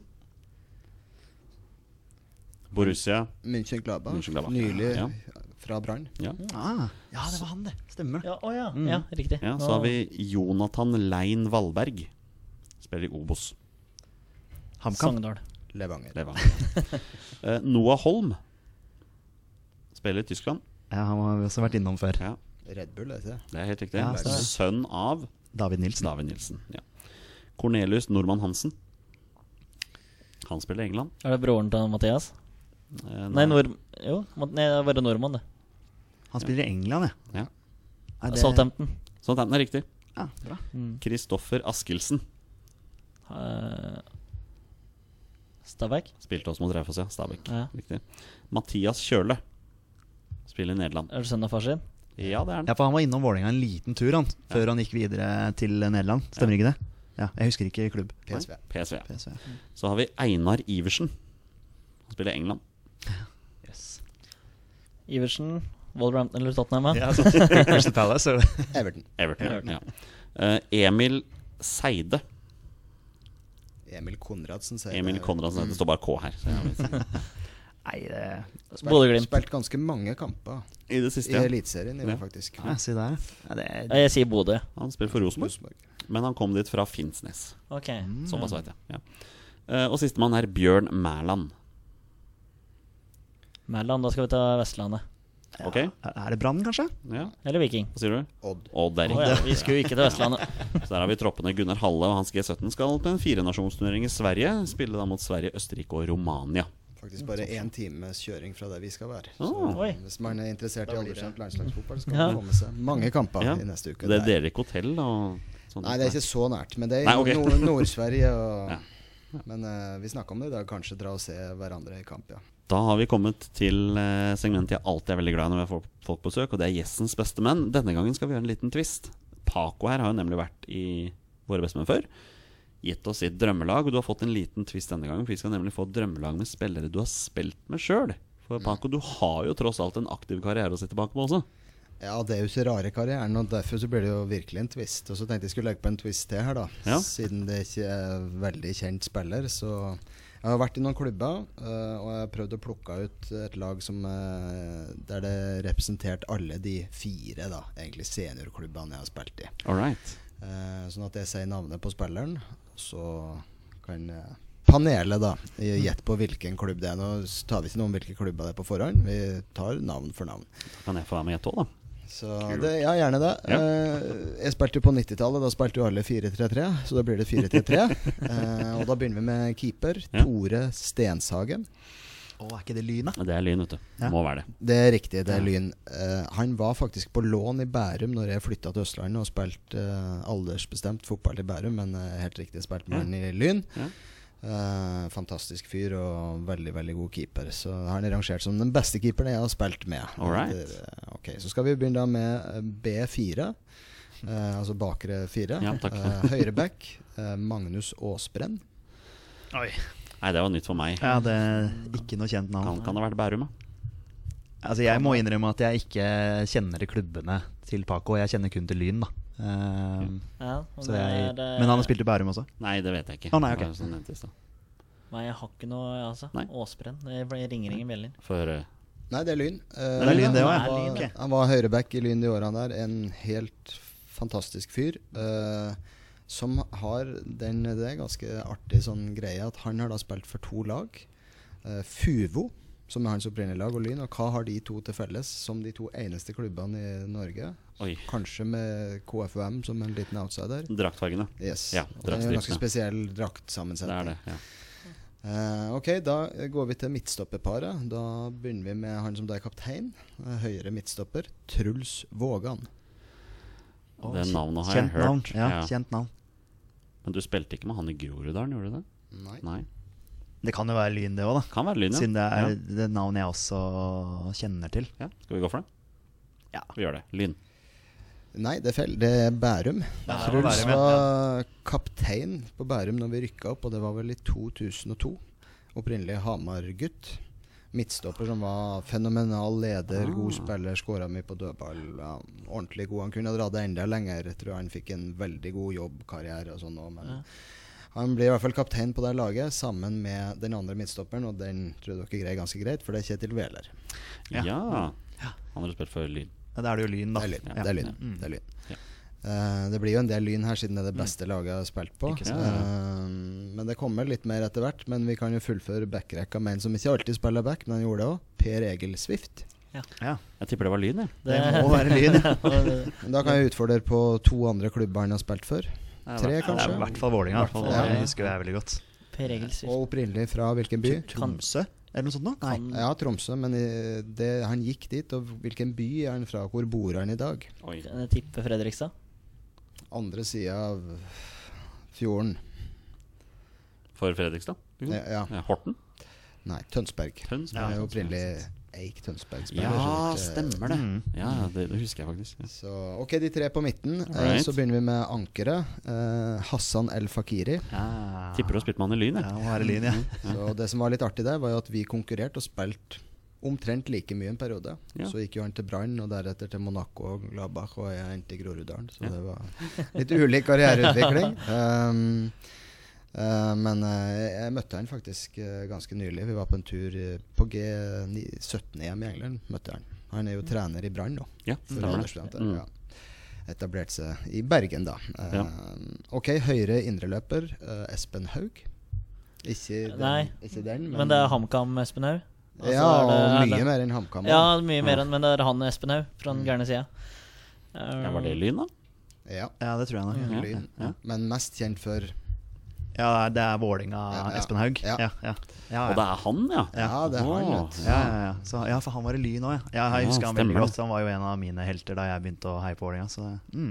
ja. Ja. Han kom jo dit sammen med en annen spiller. Vi kommer eh, tilbake til. Nå skal vi da øh, eh, Nå var det jo sånn at øh, nå har vi jo vært det mestskårende laget i Europa, og i denne EM-runden med det her G19-laget. Men jeg har spilt på et annet lag som ble mestskårende i norsk fotball et år. Eh, og de to neste spillerne kommer fra det laget der. um, og var veldig bidragsytende til det, da. Uh, så venstre indreløper, Faisal Sharif. ja, jeg vet godt hvilken klubb dette er. Dette er Groruddalen. Det er Groruddalen. Er Ja. Det var, på det, var det året de fant ut de skulle utfordre Skeid om opprykk. Ja. Ja, jeg lurer på om vi var mestskårende det første året i tredjedivisjon. Nå skåra vi 122 mål Ja. på 22 kamper i serien. Som, ja. Mm. Eh, og Faisal hadde assist omtrent halvparten. Han var fantastisk sånn, mellomromsspiller og skåra mye mål sjøl òg. Uh, og like mye både assist og mål fra venstre kant, som da heter Thomas Amli. Groruddalen. Ja. Dette er veldig godt. Ja. Årvoll-gutt. Ja, Årvoll-gutt. Ja. Og en fantastisk gutt og humørspreder til tusen. 1000. Og ok, da kan vi ta høyrekanten, som jo da er, kom til Lyn sammen med Espen Haug. Kjell Roar Kaasa. ja. Ja. Uh, så Spiller på Skeid Allboys ja, holdt seg i veldig god form. Ja, veldig god form. Ja, Ja, sånn ekstremt god form. Ja. Så, men det er tenkt med han og Thomas Amli at de skal kjøre litt sånn portugisisk, stå igjen og juks ved midtstreken og konter på dem. Eh, og så kommer kanskje en liten vanskelig en til slutt. Ikke på å gjenkjenne spilleren, men hvor jeg har spilt sammen med midtspissen Caleb Francis. Oi. Ja, den er vrien. Har han vært i Lyn, han kanskje, eller? Bærum? Jeg vet ikke. Da, det kan det fort være. Det kan fort være Bærum. Jeg Jeg husker jeg sa til dere at jeg skulle At jeg spilte for fire. Ja, Nå har vi vært innom. Groruddalen, Bærum og Lyn. Så det her er fra den fjerde er klubben. klubb til, vet. Er det Fuvo? Nei, du har ikke spilt for Fuvo, du? Nei. Nei. Og på et visst nivå Ja. snakka vi om. Nei, jeg er blank her, altså. Det, Men Carl Francis er jo veldig kjent nå. ja, det er det jo. Veldig kjent. Han Jeg tror ikke Paco har spilt i Kongsvinger. Nei, Nei, jeg kommer ikke Nei, på Men er det, hvilken region er det? Det er i den Kongsvinger-regionen, Ja, hvis du er ser litt litt der. stort på det. Ja, okay. Men mot Oslo. Du ser litt stort på dem. Nei. Han bodde på Kongsvinger og, og fikk bl.a. godt betalt for å kjøre den distansen frem og tilbake, mistenker jeg. Ja, nei, jeg, Nei, jeg er blank, jeg. står fast. Ja, få høre. Det var i Ullkisa. Ullkisa, ja. der i 2001. Ja. Jeg har også spilt i Fossum. Uh, Ja. Men jeg fant ingen Og i Brønnøysund for A-laget der, men jeg fant ingen spillere som var Ja. god nok, da syns jeg, for det her laget. Men Caleb var fantastisk å spille med, og fantastisk fyr. Og, eh, ja, nei, det, så det var, det var ikke like godt lag som sist, men der har du i hvert fall mine Nei, jeg syns dette var et veldig kult Ja, lag. det jeg. var kjempestilig. Det Kjempegøy. dukker opp noen kjente navn der, ja. Ja. Ja, det, jeg kjenner jeg blir sliten i huet, men vi kan jo ikke gi oss nå. Vi har jo 20 spørsmål igjen her.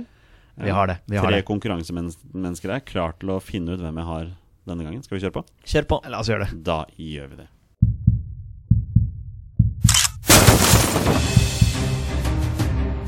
Er han nåværende landslagsspiller? Er han utenlandsproff? Er han fortsatt aktiv? Er han back? Har han spilt for Rosenborg? Mine damer og herrer, det er nå tid for 20 spørsmål. Mine damer og herrer, det er endelig klart for en ny runde med 20 spørsmål. Og for et panel vi har som skal konkurrere denne gangen. Vi har hverdagshelten fra Bogerud, Petter Hermansen. Vi har Rabagassen fra Raufoss, Torstein Børgo. Og vi har Pål Arne Paco Jansen. Som skal konkurrere i dag. Er dere klare for dette her, gutter? Yes. Ja, veldig klar. Veldig, veldig er, det er litt konkurranse dette her, Paco. Du liker det? Ja, det liker vi. Ja, det ja. var veldig spennende sist. Og Ja. vanskelig òg. Altså. Krevende. Så Ja. det, det liker vi. Ja, men det er godt du er på lag med to stykker her som har vært i god form i det siste, da. Sånn cirka. Klarte den på, klarte den på spørsmål 20 sist gang. Da var det Pa Modoka. Da brukte vi litt for, Ja, litt for lang tid. Den Ja. satt langt inne. En, en kjapp runde med reglene før vi begynner. Torstein, Petter og Paco har da 20 ja- og nei-spørsmål på å komme fram til spilleren jeg har funnet fram, og det er da en spiller som har minst én A-landskamp for Norge. Bonusregelen her i Våre bestemenn er når dere først gjetter navnet på en spiller, er spillet over, og dere har vunnet eller tapt. Da spiller vi 20 spørsmål. Vær så god.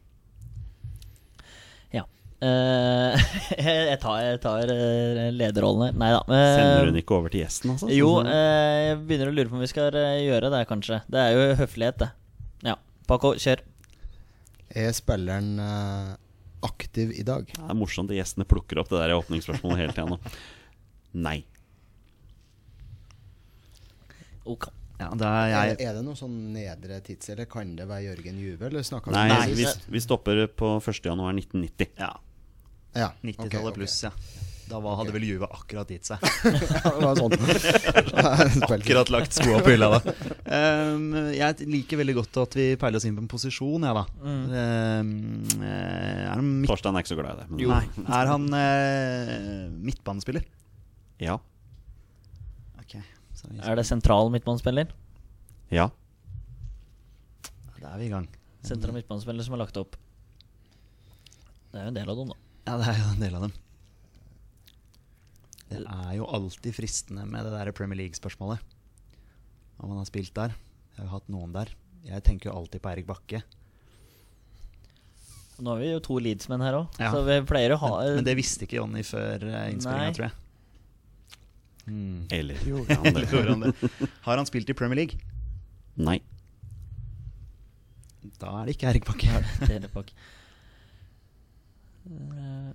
Har han spilt klubbfotball utafor Norge? Nei. Å, den er fin. Den er fin. Den er veldig fin. Oi, oi, oi. Kanskje vi har med en klubblegende å gjøre her. Eh, det detter ned jo noen navn, og vi kan jo name-droppe litt. Roar Strand datt ned med en gang. Det er ikke Men, nei, for han har vi vært innom. Før. Mm.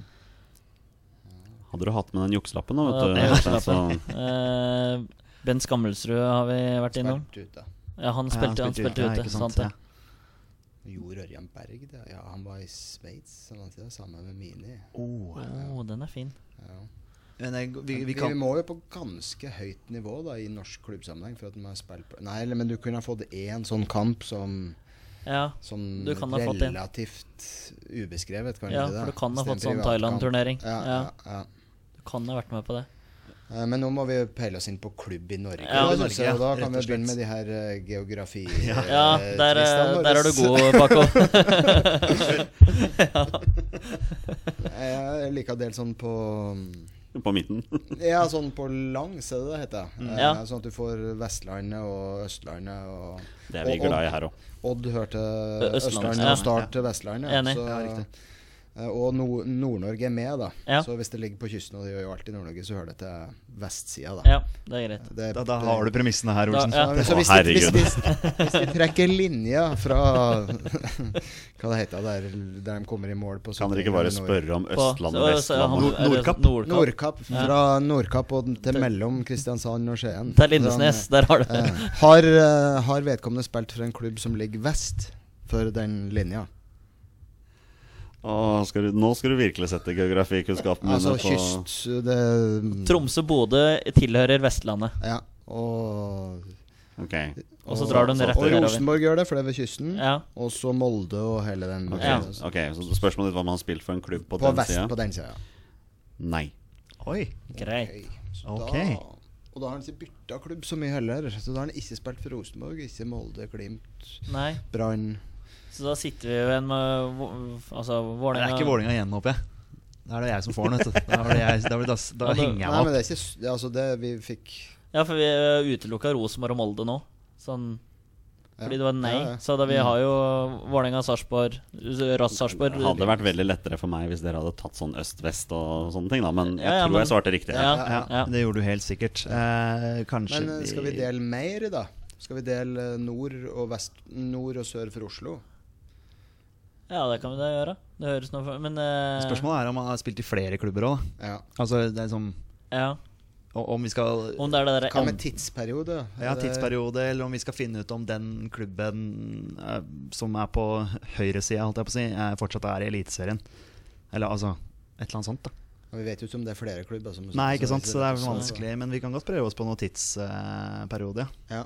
Har du noe du ja, Hvis vi begynner først i første, så er det ikke naturlig å s- Jeg vil ikke bli overraska hvis det er at vi kan millenniumsskifte. Er, Ja. er det riktig at spilleren spilte landskamper på 90-tallet? Nei. Ok. Så det er jo ganske ferskt. Men vi kan dele, si sånn. en, vi kan dele en gang til, da. Og så dele på 2010. Mm. Ja. Så er det riktig at spilleren spilte mellom år 2000 og 2010? Ja. Liker dramatikken i svaret. Men er det sånn både og? Men ja, om det er fra 2010 og opp igjen òg. Den har vært med i Si at den har vært med i elleve år, da. Nei, men han kan jo bare ha fått én landskamp Ja. i 2007. Ja, det er akkurat Ja, det. skal vi finne ut antall landskamper, kanskje? Eller ja, om han er over, om, det er en betrodd, om det er en betrodd mann, eller om det er en som har hatt en ja, sånn Over eh, eller under ti? Ja, Ja, skal vi prøve oss Har han over ti landskamper? Ja. Oi, Ok. Det hjalp jo ikke så mye sånn sett, da. Det, er jo, det hadde vært bedre i gåseøyne hvis det var mindre. For da Men han har kun spilt for en østlandsklubb og har spilt over ti landskamper Ja. på 2000-tallet og frem. var en sentral midtbanespiller. Det var det vi fant ut, sant? Mm. Sentral midtbanespiller. Ja Hvor går vi nå, mine herrer? Ja, hvor går vi nå? Ja, men da, da øh, tenker den der enten Altså Er det enten Vålerenga eller Strømsgodset noe sånn type spørsmål? da Om vi kan øh, Om vi kan dra med tre-fire klubber i den I den mm, bresjen der? Ja, Hvem vi har da? Vålerenga? Strømsgodset. Bare ikke, utelate altså Vi må utelate noen Ja, Sars potente. Sarpsborg kan tenker jeg Nei. det er lite sannsynlig. Sandefjord. Ja. De var jo ikke i Eliteserien på den tida. Nei. Det kan godt være at det er en klubb som er gått ned etter det òg, vet du. Ja. Det kan også være. Det kan være Kan det være en lyn, uh, ja, lynspiller? Ja, hvem kunne Hvis vi skal tenke litt eh, din eh, karriere òg. bare sånn for å En sentral midtbanespiller. Det er ganske sentral. Altså, skal være bra da for å gå inn og spille på Jeg så landslaget. over ti landskamper i den perioden der. Ja, det var kanskje til landslaget. det. Litt eh, ja. Hvor mange spørsmål har vi brukt? Har du Dere har brukt ni spørsmål. ja, vi har jo litt å gå Ja, vi har god tid da. Ja, vi har ikke god tid, men vi Nei. har mange spørsmål. Det er snart Jeg har liksom lyst til å spørre om han har spilt for en Oslo-klubb, bare sånn for å ha tatt den. Ja, Men, eh, går, om vi eh, skal uh, definere det på en annen måte. Om han har spilt for enten Altså, det er jo liksom du- Vålinga Vålinga, eller Strømsgodset. Er det, no, er det noe sånn her Ja, nei, det går ikke. Nei, Du, du hadde jo spørsmål om nåværende eliteserieklubb. Ja, for det, det, det er den nå som er uh, fin. Har vi konkludert med at han spilte for én klubb? Eller han har sannsynligvis spilt Nei, det har ikke konkludert. Nei, Nei vi har ikke Da spør vi om det. Ja. Uh, er det riktig at han har spilt for kun én klubb innenfor det geografiske området? Nei. Riktig. Da, Det er ti spørsmål. Så Mm. er. Så han har flere klubber innafor den høyresida, da. Ja, ja. Uh, Så han har bodd på Østlandet og operert for flere klubber. Altså, han har ikke vært ute av Norge. Han har holdt seg han er Ja. glad, i, glad i landet sitt og Ja. liker å bo her. Spille fotball her. Ja, til og med over ti landskamper også. Det bør jo være mulig å få til. Og ikke spilt for Rosenborg. Eller for mange som holdt seg i Norge, går jo til Rosenborg da, til slutt, når de er Men såpass bass. jeg tenker også litt sånn serie... Altså, hvis jeg tenker Eliteserien, så er det seriemestere. Det er Strømsgodset Nei, de har blitt seriemester etter Ja, men det kan være etter òg. Men Ja, Vålerenga. Og hvem flere er det som har vært seriemester fra Oslo? Brann. Ja, de er ikke, er ikke med her nå. For Brann er utelukka på Stabæk. Vestlandet. når vi. Ja, Stabæk. Stabæk. Sta, ja, det er Vålinga, Stabæk og Strømsgodset på den høyre sida. Ja, så skal vi høre om spilleren er seriemester i norsk fotball, da. Ja, det er, ja. Og hvis, Fint spørsmål. For da har vi tre klubber, da. mm, mm. Er uh, denne spilleren seriemester i norsk fotball? Ja. Bare for å legge til en liten twist. Han kunne ha vunnet serien på 90-tallet, men det var vel bare én klubb som vant. Ja, hele det 90, var nok så, det. Ja. Ja. De hadde du 13 år på rad der. Ja. ja. Så da seriemester, og er det Stabæk Stabæk, ja. Stabæk 2008. Og Stabæk vant i 2008, og Vålerenga i 2005, og Godset da i Ja, 13, var det ikke det? mm. Ja, for jeg bare datt ned Henning Hauger, men han har vært i Sverige. Så Er vel men, også fortsatt aktiv. ja, mm. Dette Det var en ja, ikke-aktiv spiller. Riktig. Torstein Bjørgo. Du er ganske skarp nå. Ja, det, det, altså Hvis dette er Vålinga igjen, så kommer jeg til å henge meg opp. Da må dere lede videre. Han har tatt gull, han her, i Norge. Um, Og dere vet at han har spilt for mer enn én klubb. Ja. Det, ja, da har han sikkert spilt i Lyn. Jeg bare tenker det. Fordi du er gjest. Da bare, da bare tenker jeg det automatisk. Ja, Han har- Jo Inge Berge var sist. Ja. Ja, ikke sant? Ja, har Nei, ja. Ja. jeg er ikke sikker på det, altså. Har han spilt for Lyn? nei. Sorry, jeg måtte bare. Ja, Da får jeg det ut. Da slipper, jeg, da slipper jeg å tenke på det. Da slipper jeg å tenke på det. Kan du sitte igjen med Stabæk, Vålerenga og Gods Mm. En sentral midtbanespiller. Skal høre om det har vært i andre klubber enn de tre òg. Det hadde vært litt deilig å på en måte funnet ut konkret hvilken klubb han har spilt for. Egentlig. Ja, Altså, Har, sånn- den, har denne spilleren hatt karriera si i enten Vålerenga, Strømsgodset Nei, det er, Nei. det er samme spørsmålet. Er Du må ta bare to av de klubbene. Vi vet oh, ja, jo at han ja, har spilt ja. for en, Ja, altså en av de uh, Du må spørre spørre om én eller to av dem. ja, Kan du utelukke Vålerenga i det spørsmålet ditt? Ja. Har spilleren spilt for enten Strømsgodset eller Stabæk? Ja. Ja, greit. Sånn, Du driver og roter med Nei, det er Nei, vi, kan, vi kan ta ett til og så finne ut hvilken av de to. Ja, Hvis vi, hvis vi er usikre. For å virkelig få mm. ja, gjør det. Sa vi. Har spilleren spilt for Strømsgodset? ja. Ok. Det er 14 spørsmål, så dere har igjen fem spørsmål før dere må gjette navn på en spiller. Sentral midtbanespiller i Strømsgodset. Han har tatt, han har tatt gull med Strømsgodset, da. Det er ikke sikkert. Jo, han er seriemester, Ja. ja. Sannsynligvis, da. Han hadde Mm. ikke spilt Han kan jo selvfølgelig ha spilt i Vålerenga, men, ja det, hvem er det som spiller? men han har han har i hvert fall spilt for Strømsgodset i 2013. For da har han tatt gull. ja. Og på- tror vi, da. Og på Altså, den, ja, så- og på den sentralen sentrale på der så var det Stefan. Johansen som uh, herja. Var det Sannsynligvis, da, med mindre han selvfølgelig har tatt gull med Vålerenga i 2005. Og så Mm. gått til Strømsgodset i Konradsen spilte der. Anders Konradsen var der, ja. Um, Stefan Abu. Ja, det, det er bare Mohammed Abu. Jeg Er. Hvem i all verden der? Han har tatt gull. Det er jo ikke sikkert han har tatt gull med Strømsgodset. Det er jo ikke sikkert. Nei, men Det er jo ikke 100% sikkert. hvem har spilt uh, for begge de Men det er jo ganske stor strekk i Ja, Ja. 2005 til 2013 er jo veldig Nei, men da er det ikke sikkert han har tatt gullet der. Nei. Han har Nei. spilt, tatt gull en annen plass, og så spilt i Strømsgodset. Vi kan jo spørre Ja. om det, om han tok gullet med Strømsgodset. Ja. For da er det bare den troppen. Ja. Tok han gull, seriegull i Norge med Strømsgodset i 2013? Ja. Oi. Eh, En sentral midtbanespiller. For hvem er det vi har av Stefan Johansen? Han er det ute. Vi har Abu, men han får det ikke blitt. Eh, Konradsen får det heller ikke blitt. Jeg har også Fredrik Vinsnes, men han har vært i Rosenborg selvfølgelig, og Aalborg. Er det. Hva hvis dere finner ut noen andre klubber enn spilleren eventuelt har spilt for? Ja. Kan det være at han var i godset, men spilte lite? Vi, jeg Ja, var jo da- trener i Hønefoss da vi møtte dem jo flere ganger. Hvem det var spilt? Storflor, Kamara, Stefan. Kova Ja, jeg vet Men det ikke. er ute, ja. Han har over ti landskamper, da. Som sentral midt. Spørsmålet er jo om det er Strømsgodset som gjorde karriere av seg liksom. Eller om han bare var med på lasset. Hvem som var med på lasset der? Det var liksom ikke det som var konseptet der. Nei, det var liksom 2013? Det er jo ikke så lenge siden. Nei. Oi, oi, oi. Ja, om vi skulle funnet ut om han har spilt for noen andre Men da vet vi jo det at han da, Hvis han har spilt for en annen klubb, så er det på høyresida, da. Hvis vi kaller det det. Men, men de landskampene var jo mellom 20.00 og 2010. Ja. Så det betyr at han spilte jo landskamper lenge før han tok det gullet med Han var ikke landslagsspiller da han var i godset. Altså sånn Nei. nei. Hvordan var det med han Simen Brenne? Ja, var han i godset, ja. Ja, han var der da. ja. For han var jo i eh, Odd. Lillestrøm og Odd. Ja. Ja, den er fin. Eh, for han spilte jo eh, mye. Han var indreløper, Med. Martin Andresen Ja. og Ja, og han har jo nok over ti landskamper òg, ja. Ja. Den er, det er Den veldig er fin. veldig fin.